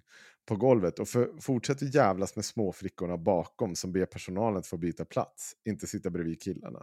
Då tappar jag tålamodet och säger till en ny i personalen. Varför gör ni ingenting? Ser ni inte hur de beter sig? Snart tio minuter har gått och ingenting har hänt. När vi sätter oss i attraktionen ser jag att två ordningsvakter pratar med gänget efter deras åk. Jag vet inte om, eh, om det har att göra med att jag sagt till eller om de dragit till sig uppmärksamhet på nytt. Jag tänker att jag ska fråga vakten efteråt. Men nu är åkturen över. Eller men när åkturen är över vakterna borta. Det finns ingen fråga. Jag har inte fått någon återkoppling överhuvudtaget. Eller fått vittna mer utförligt om grabbarnas beteende. Jag är lite irriterad över det.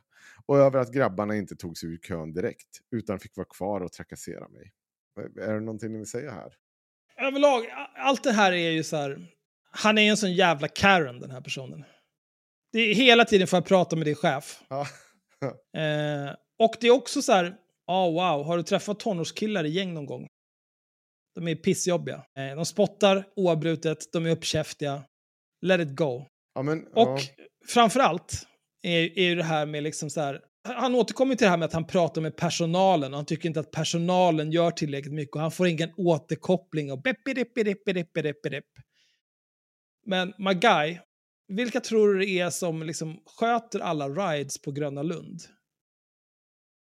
Det är, det är liksom kids runt 20 som säsongsarbetare som har fått precis så mycket utbildning som krävs för att de ska kunna klara av att hantera de vanligaste sakerna som kan hända vid, vid den station där de kommer jobba. Det är liksom inte folk som är experter på konflikthantering. Det är inte folk du kan förvänta dig ska gå in och så här domdera i ett grabbgäng som står och spottar omkring sig och beter sig som apor. Men han verkar tro att det liksom är så här, ah fan, en, en eh, vit medelålders man är upprörd här. Hold on my nigga. Och så bara knäpper de med fingrarna och så kommer insatsstyrkan och skjuter ihjäl alla som eh, var i vägen och betedde sig illa och dåligt. Ja. Det är inte så det funkar. Det är liksom Gröna Lund. Gröna Lund tjänar sin deg på att packa parken med så mycket folk som möjligt.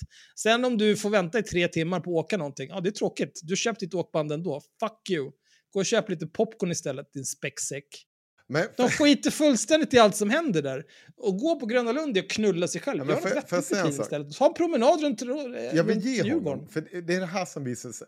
Hans inledningshistoria här kan ju faktiskt vara så jävligt... Det, det kan vara jävligt jobbigt. Jag kan tänka mig att det blir jävligt otrevligt. Det är massa unga killar som står och är stöddiga. Du har barn med dig, det blir problem. Du vill inte tjafsa framför barnen. De kanske blir rädda. Eh, alltså, här, jag har inget problem med att han uppfattar som en så jävla jobbig situation just nu. Men här, Vet vad jag hade kommer, gjort? Får jag bara läsa en grej här? Får jag, får jag bara säga vad jag Ja. hade gjort i den situationen? Jag hade gått därifrån. Ja, ja, men Så fort det här, det här sker så här, det här är en skitjobbig situation, men jag har mina barn med mig. Vet du vad? Peace out. Jag går. Vi går och gör något annat ett tag. Vi kommer tillbaka till den här åkturen om inte, en halvtimme, whatever. Ja, och så säger vi, då Ha kanske det vi bra, går hej. och berättar för någon i service att det Kan gå och säga till någon Så- på ja. vägen om du tror att det kommer göra någon skillnad. Ja. Fuck det där. Jag går. Ha det bra. För, vi läser det här igen. När vi sätter oss i attraktionen ser jag att två ordningsvakter pratar med gänget efter deras åk. Jag vet inte om det har att göra med att jag har sagt till eller om de har dragit till sig uppmärksamhet på nytt. Jag tänker att jag ska fråga vakterna efteråt, men när åkturen är över är vakterna borta. Det finns ingen att fråga.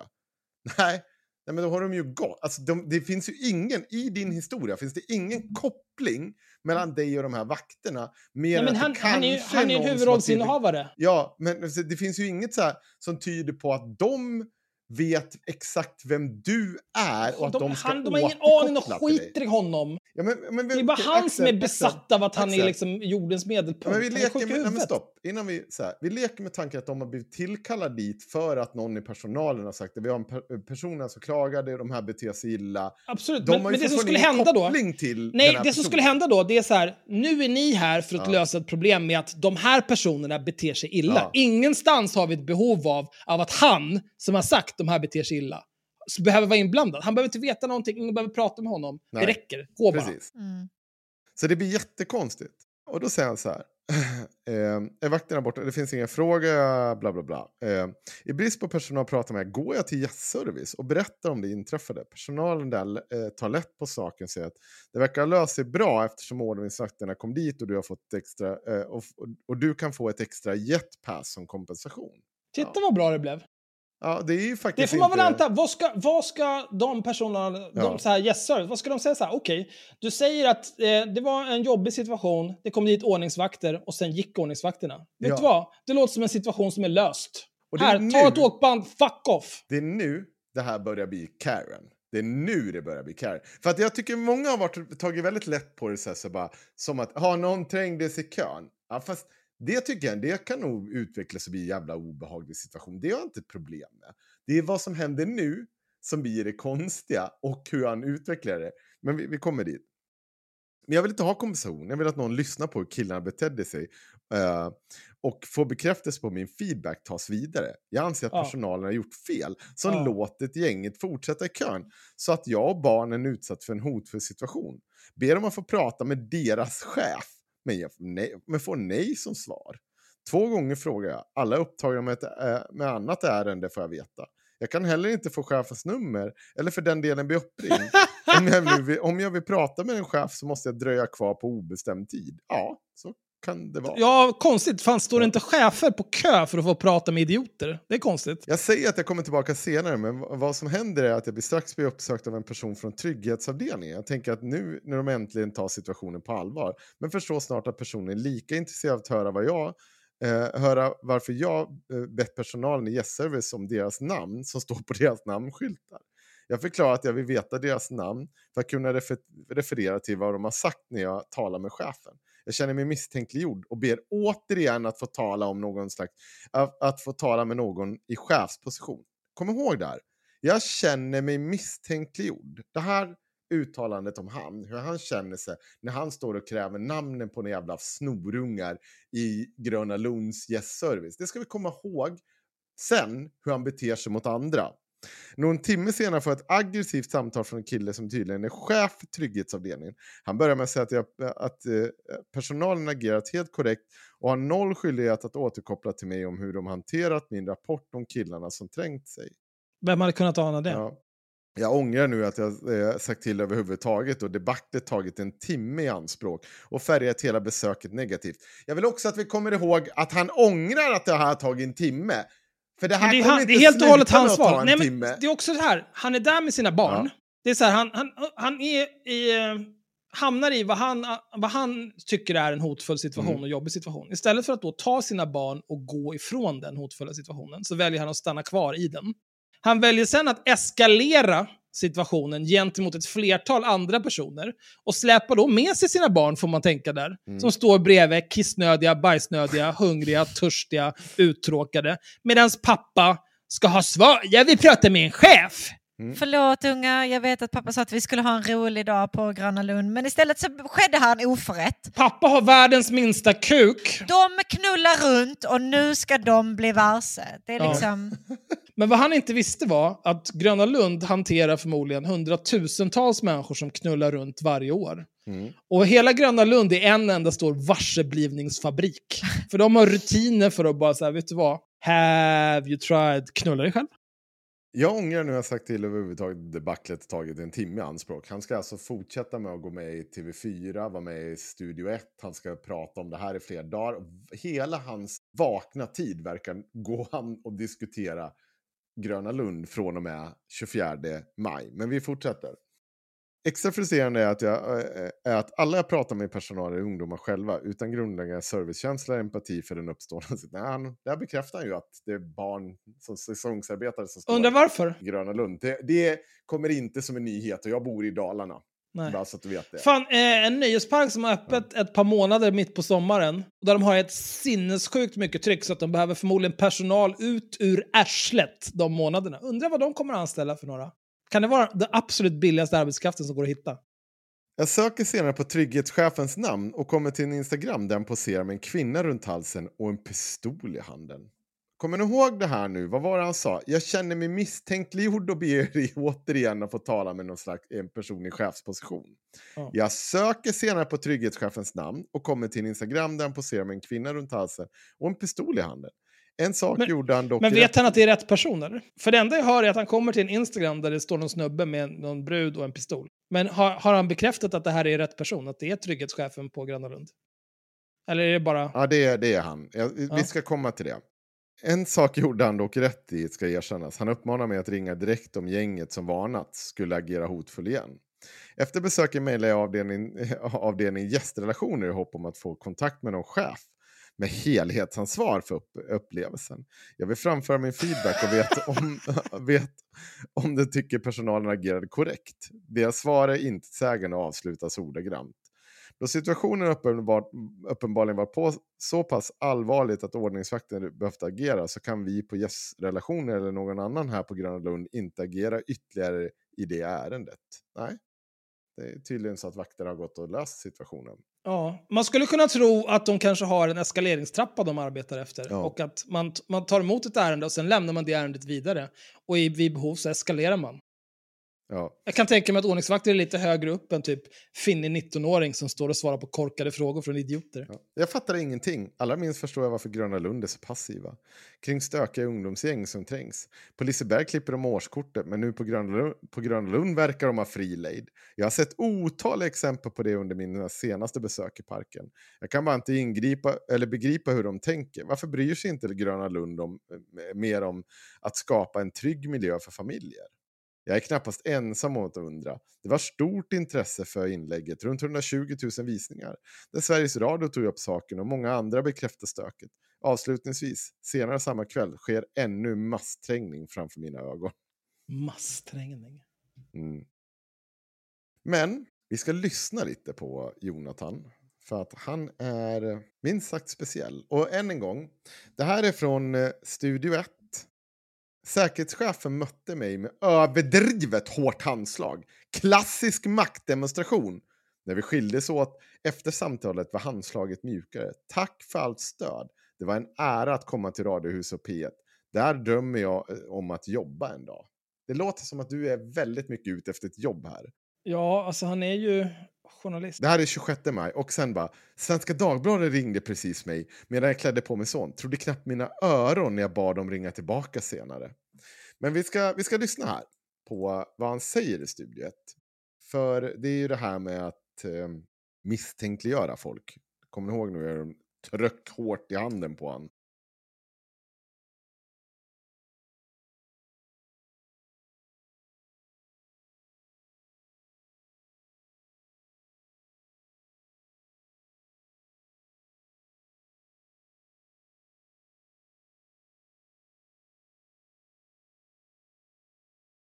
Rekordmånga årskort som dragits in på nöjesparken Liseberg i år.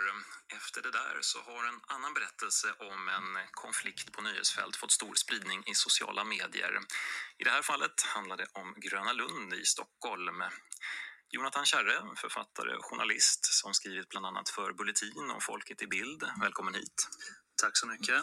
Du stod där i kön till berg och dalbanan tillsammans med dina barn. Berätta, vad var det du reagerade på som hände? Ja, det här var alltså första åket på Gröna Lund och eh, vi eh, blev vittnen till en trängning. och eh, då sa jag till det här ungdomsgänget som hade trängt sig att eh, det in i kön då. Ja, i kön. Att det här är inte okej och eh, nu vill jag att ni ställer er längst bak i kön. De eh, accepterade inte det utan eh, det blev tjafsigt. Och det här tjafset fortsatte och de blev kvar i kön och Jag såg hur de eh, betedde sig dåligt. Fortsatte kön också. De eh, ofredade några små flickor genom att filma dem. Trots, alltså utan tillåtelse. Det var ju för övrigt ett, ett eh, gäng småflickor som de hade trängt sig förbi också, närmast. Hur reagerade de tjejerna på det? Nej, de såg ledsna ut och eh, kunde ju inte sätta någonting emot. Hur fortsätter det här sen? Jo, jag ser ju snart att vi kommer till den här jetpass-ingången där det står personal. Och då tänker jag att här har jag en möjlighet att säga till vad jag har sett.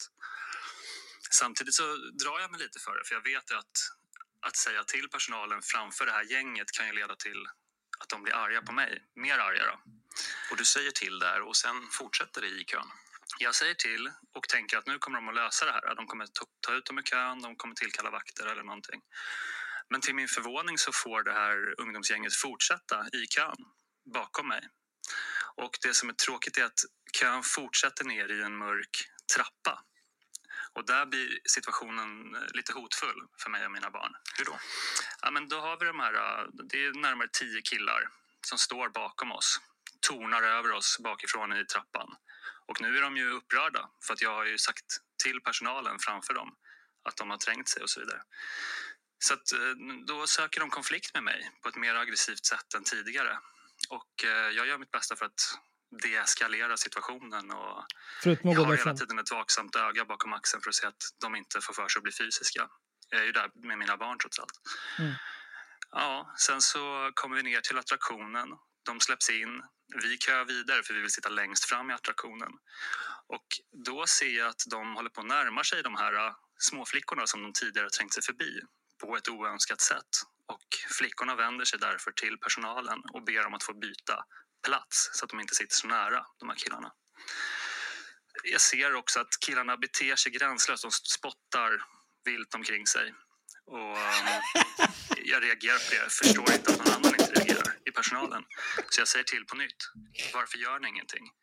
Det har gått nästan tio minuter sedan, sedan det hela började. Men verkar de ointresserade personalen eller? Jag tror att eh, de kanske är underbemannade. De eh, har nog inte möjlighet kanske att göra någonting Nej, de kanske. som står där. Det här är ju också ett gäng på närmare tio killar. Det kanske inte är så lätt heller för en enskild ungdom som jobbar på Gröna Lund att göra så mycket. Men som jag förstår det sen så konfronterar ändå personalen de här killarna. Senare kommer också två ordningsvakter som pratar med dem. Räcker inte det?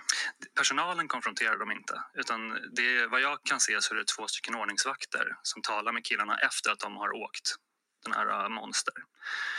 Då frågar min dotter mig, är det för att du har sagt till som vakterna är här? Och jag säger, jag vet inte, men jag ska fråga när vi har åkt klart. Varför? När vi har åkt klart så är vakterna borta. Det finns ingen där jag kan fråga. Och eh, det är då jag känner att jag, jag måste ha någon slags återkoppling. Jag har inte fått berätta om killarnas beteende. Kan vi jag har bara pausa? sagt att de har trängt sig. Det här är som i... eh, fan hette den skiten? Med Belinda Olsson. När hon är hemma hos eh, de där föräldrarna som har ett barn som vägrar säga vad det är för eh, fysiskt kön på barnet. Och när de filmar henne gå ner för trapporna och så stannar hon i trappan och bara begraver händerna i ansiktet och bara nej, jag måste få veta! Så otroligt regisserat ögonblick. Och sen ska hon gå tillbaka och kräva att få reda på vad den här jag inte, åtta månaders gamla bebisen har för könsdelar. Lite samma känsla är det här, att han kommer av den här jävla åkturen tillsammans med sina barn, ser inte längre de här vakterna och kan inte få svara på sina frågor. Gå vidare med livet, vem fan bryr sig? Gå och köp en läsk till dina barn och gå på nästa åktur. Vad är ditt problem? Det är också så konstigt, för nu har ju du fått en lösning på det här. Nu, Nej. Men nu kan jag inte bara Fel sluta. lösning. Fel. Jag ska veta att det här och det här har hänt och ni ska berätta det för mig. Och jag ska ha en återkoppling och det ska ske. Det låter ju som att han förväntar sig att folk ska liksom söka upp honom inne på Gröna Lund. Ja. Ursäkta, herrn, herrn, nu har vi tagit itu med det här. Ja. Men han ville väl bara känna sig duktig. Han ville få bekräftelse i att ah, tack vare dig så har vi gjort det här. Och sen skulle alla på hela Gröna Lund resa sig upp och ge honom en applåd. Mm. Så skulle vakterna komma förbi och ställa sig och göra honnör. Ja, ja.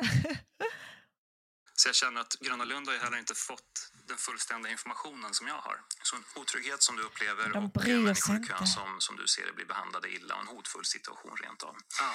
Eh, vi har eh, en berättelse härifrån då, den har fått stort genomslag i sociala medier. Fler verkar ha upplevt liknande saker. Eh, Vi har en företrädare för Gröna Lund här då, Fredrik Gemsel, säkerhetschef. Du är välkommen. Tack snälla. Du lyssnar på just den här berättelsen. Hur tycker du att ni hanterat den här situationen? Först och främst så är det ju oerhört ledsamt att höra om din upplevelse Jonathan, att den inte har blivit som ni har förväntat er. Någonstans är det så att vi som park jobbar med glädje. Vi vill att varje besök ska vara en härlig upplevelse där man kommer till oss och får lämna vardagen för en liten stund. Så att det känns ju jättetråkigt att höra eh, om den här historien och hur du har uppfattat det. Liksom. Eller hur, eller, Kom ihåg att det här var ju alltså killen nu som, vad, vad hade han gjort? Han hade klämt honom, Han försökt machokrossa hans Ja. hand. överdrivet hårt handslag, klassisk maktdemonstration. Det låter som en Ja. ganska resonabel och rimlig kille det här ändå. Ja. Men det vet man ju aldrig. eller hur du har upplevt det. Och det är ju såklart aldrig okej för någon att bete sig på det sättet som, som du beskriver. Så er hantering då? så här är det ju, säkerhet och trygghetsfrågor är ju bland det viktigaste vi har. Eh, och någonting som vi jobbar väldigt aktivt med varje dag, gjort i flera år. Eh, vi har ju en väldigt stor säkerhetsorganisation med både mycket ordningsvakter och annan typ av säkerhetspersonal som jobbar i parken varje dag för att dels vara synliga och skapa trygghet men också kunna snabbt finnas på plats ifall det skulle bli en sån här typ av situation.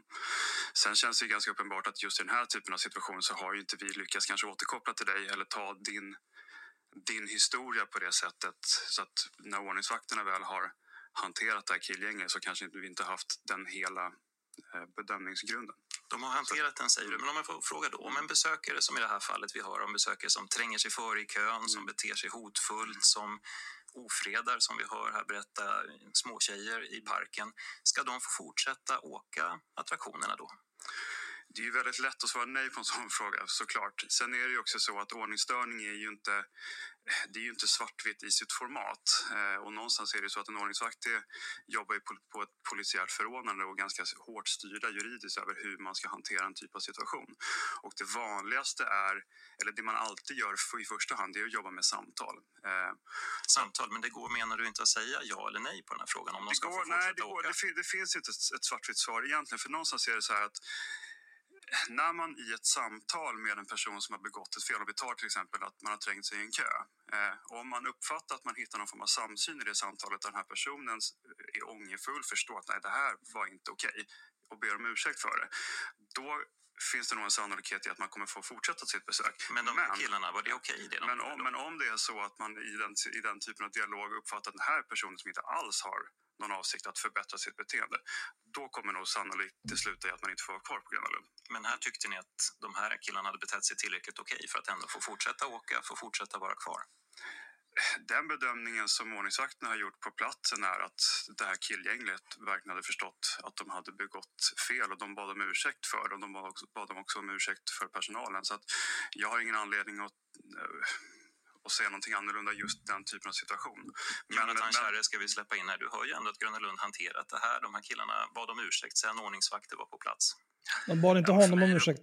Va? De bad inte honom om ursäkt. Nej. De bad inte hans barn om ursäkt. Nej. Uppenbart att det är bristande säkerhetsrutiner.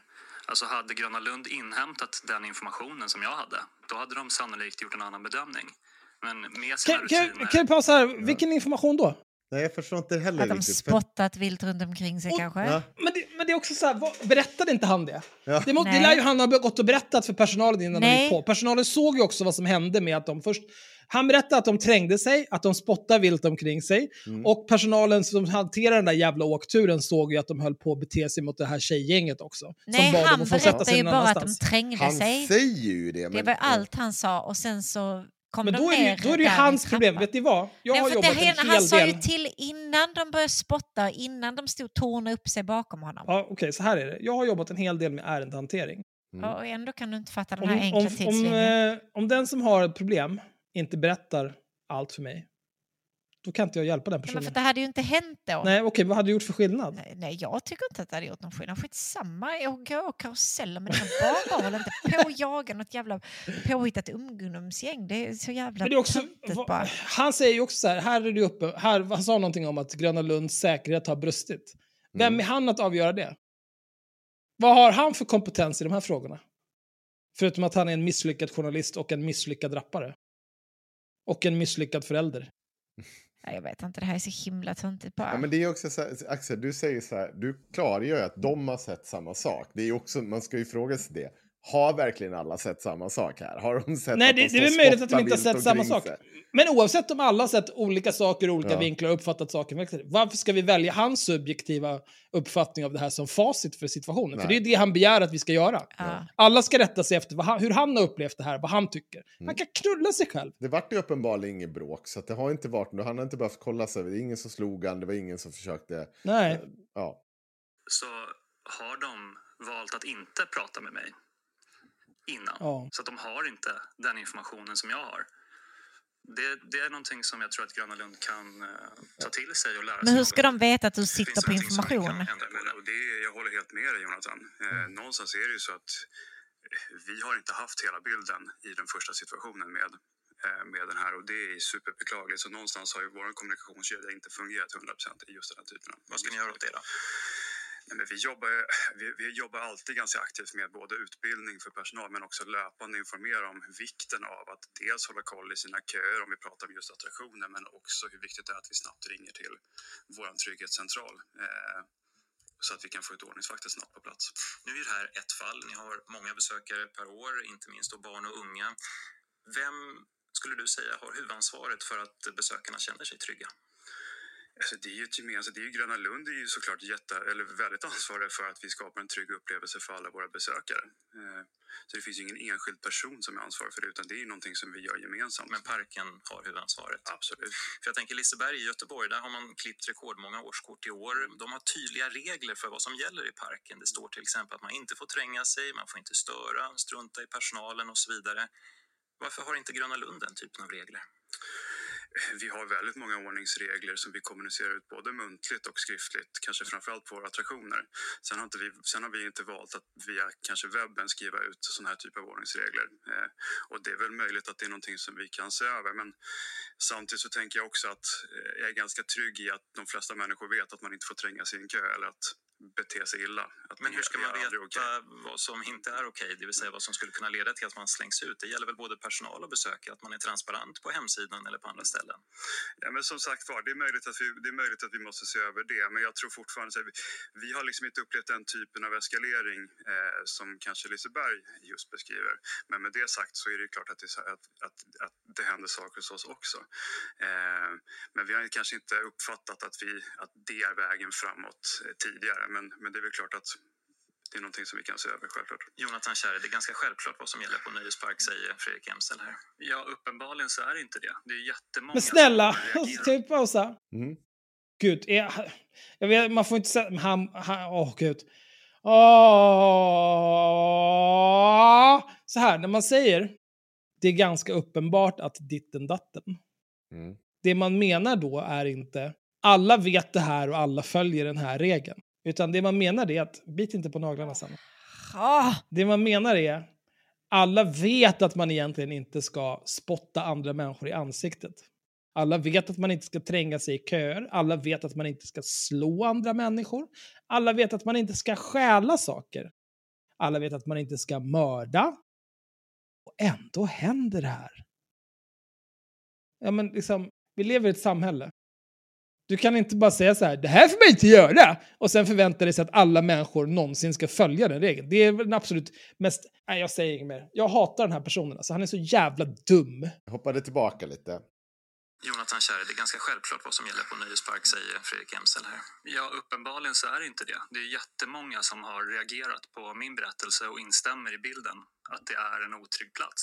Så att jag, jag upplever att det är lite strutsmentalitet här. Man stoppar huvudet i sanden och vill inte se problemen. Låt mig ställa en konkret fråga. Hur många skyltar finns det ute i nöjesparken bland attraktionerna där det står att det är förbjudet att tränga sig? Jag tror inte att vi har några skyltar som det står att man inte får tränga sig. Men jag tror också att de flesta människorna vet att man inte faktiskt inte får tränga sig. Det gäller Jag tycker inte heller det kanske är det. Och så, så här bara, på riktigt. En, en person... Det här är saker man får lära sig på dagis. Ja, och en, tror du att en... Nej, vet du vad? Man får inte snatta här.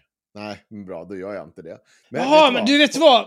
På, på Konsum har de inga skyltar om att man inte får snatta, så där Ja. brukar jag alltid snatta. Ja. Här på kiosken på hörnet, här har de en skylt. vet, har, du, har du sett de här skyltarna efter vägarna det står 90 på? Vet du vad jag gjorde idag? Du körde 120 på en sån. Men det gäller väl bara där skylten är. Mellan skyltarna är det väl fri lejd eller? Ja, Ja. För så antar Måste jag. bara tvärnita så att den två centimetrarna som är längs med skylten, där kör du 90. Ja. Precis. Han nöjer sig verkligen inte. Det är nu det eskalerar då. Det är ju ingenting men som är specifikt på inte. just Gröna Lund utan det gäller ju överallt i samhället. Uppenbarligen så fungerar det inte.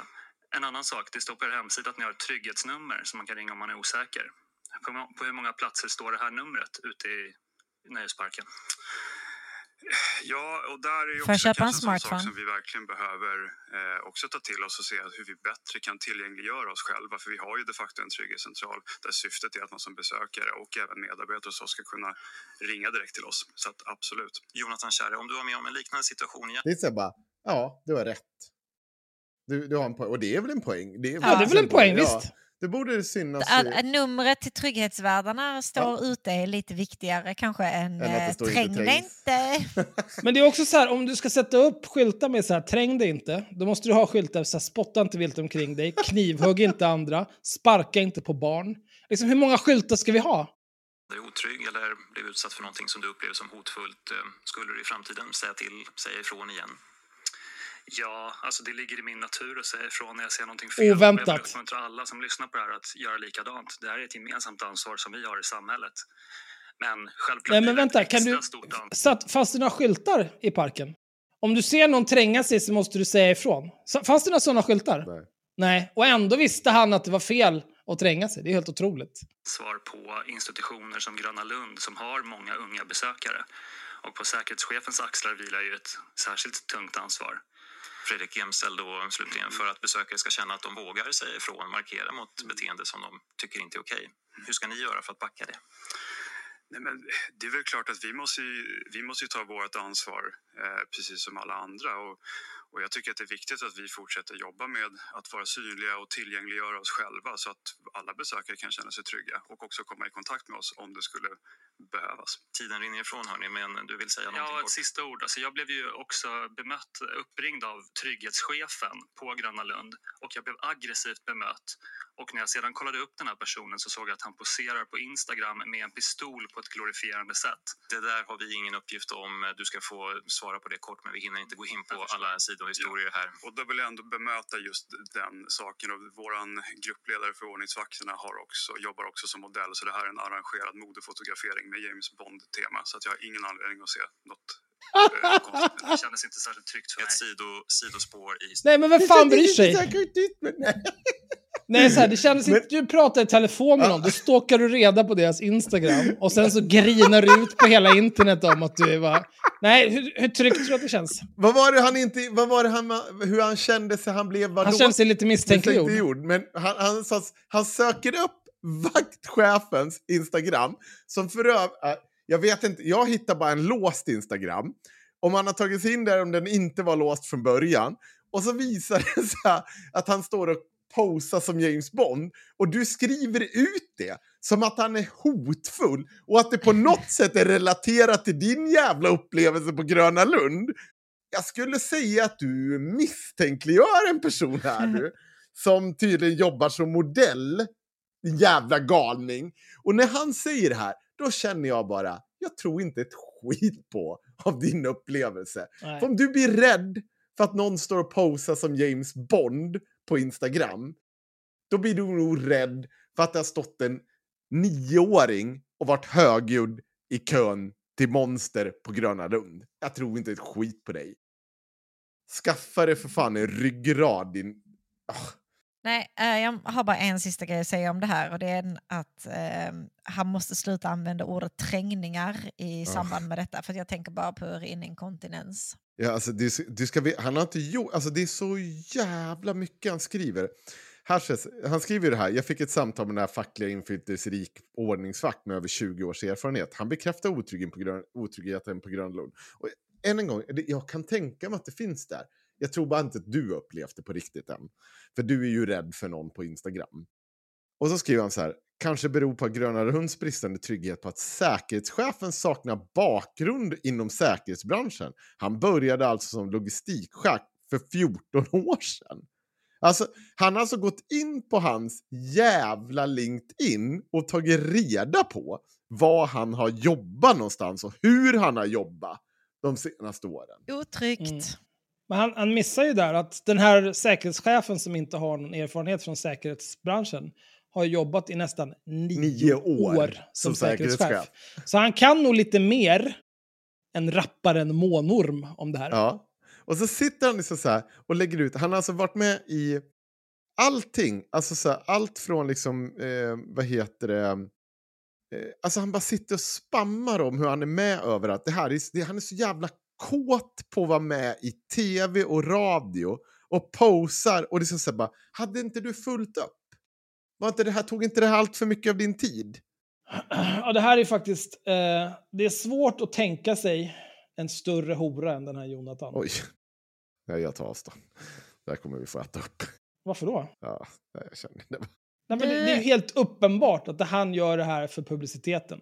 Ja, det gör han. Och att han tycker att det är toppen! Ja, det tycker att så jag. många ger honom uppmärksamhet. Ja, det gör han. Detta är första gången vi spelar in medan jag har mina barn detta året och jag har en extremt duktig liten grabb som ligger och väntar på mig in i sängen nu på att jag ska natta om. Så att eh, om vi kan eh, wrap it up. Sanna, ska vi orka eh, göra boken i juni? Ja, kan vi. Göra boken? Och Sanna... Skit du i det, Henrik. Nej, jag och Sanna har läst Lina Backbulls ja, men Jag har den också. Kan inte jag också ha, få läsa? Har du läst vill, den då? Nej, jag håller på. Jag vill, alltså, så jag vill också läsa den. Okej, okay, jag, jag läste den på tre timmar och sen var jag klar. Okay. Så kan du bara få det gjort. Jag läste den på lite mer än tre timmar för jag lyssnade på den som ljudbok. Men ja. eh, du har två dagar. Nej, jag bara skojar. Vi tänker inte spela in den två dagar. Jag vet inte. Jag fixar det. Ja, men vad bra. Eh, ska vi tacka för oss idag då? Ja, tycker jag. Det var ja. trevligt. Glöm inte att bli Patreon. Ja. Det finns så mycket gott där. Och så kommer det mer från Axels rättegång. Och så kommer det mer grejer. Ja, jag tänker vi kan ju ta, vi har ju typ, vi har en halvtimme förhör med Jonas Åhlén först. Mm. Eh, där han sitter och, ja, har fel kan vi väl säga. Mm. Vi kan du säga kan att han har fel. Du kan väl bara sitta och kommentera det? Ja, jag tänker det. Vi tar ja. och spelar, vi sätter oss och sen så kan vi eh, bara ta mitt förhör också. Mm. Ska vi sitta och kommentera det? Sitta och kommentera det. Oj, vilken liten hora Axel är. Men vet du, vad, vet du vad vi ska göra? Nej. Vi ska ta, vi ska ta, eh, jag tror vi tar Jonas förhör i, i ett vanligt avsnitt och sen så tar vi mitt förhör i bara Patreon-versionen. För det är viktigt för mig att vi tjänar pengar på Jonas förhör. Ja. Fint. Okej, okay. okay. toppen. Bra. Tack Jonas för att du återigen ger oss content. Ja, tack så jättemycket. Din äckliga gubbkuk. Fridens.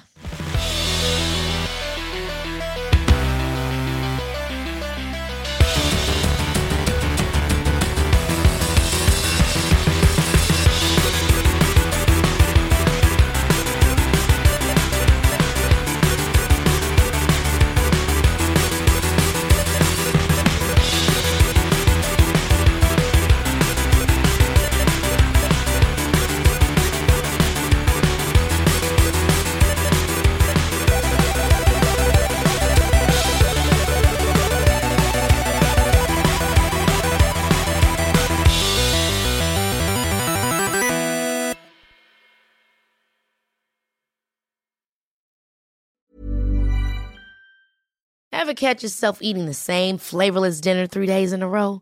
Dreaming of something better? Well, HelloFresh is your guilt-free dream come true, baby. It's me, Gigi Palmer. Let's wake up those taste buds with hot, juicy pecan-crusted chicken or garlic butter shrimp scampi. Mm. Hello Fresh. Stop dreaming of all the delicious possibilities and dig in at HelloFresh.com. Let's get this dinner party started. Hello, this is Danny Pellegrino, host of the Everything Iconic podcast, and I'm here to tell you all about Splash Refresher because hydration is mandatory, but boring is not. Now, I love my water, but if I don't spice it up, I'm not going to finish what I took out of the fridge. That's why I love my Splash Refresher, which is flavorful, delicious, bright, hydrating, and zero calories. The wild berry flavor is my fave. No, wait, is the pineapple mango flavor my fave? You know what? All five craveable Splash Refresher flavors are my fave because they're so delicious. So get hydrated and enjoy it with Splash Refresher. ACAST powers the world's best podcasts. Here's a show that we recommend. The Real Housewives is a guilty pleasure for most, but if you're looking to not feel guilty about that pleasure, tune in to Everything Iconic with me, Danny Pellegrino, where I break down all the messy moments and behind the scenes antics of Bravo's popular franchise. And on Everything Iconic, I also interview celebrity guests like Kelly Ripa, Kiki Palmer, Drew Barrymore, Cameron Diaz, and more about their guilty pleasures, their past work, and so much more. So if you're pop culture obsessed and find yourself watching way too much reality TV like me, tune in to Everything Iconic with Danny Pellegrino wherever you listen to podcasts. ACAST helps creators launch, grow, and monetize their podcasts everywhere. ACAST.com.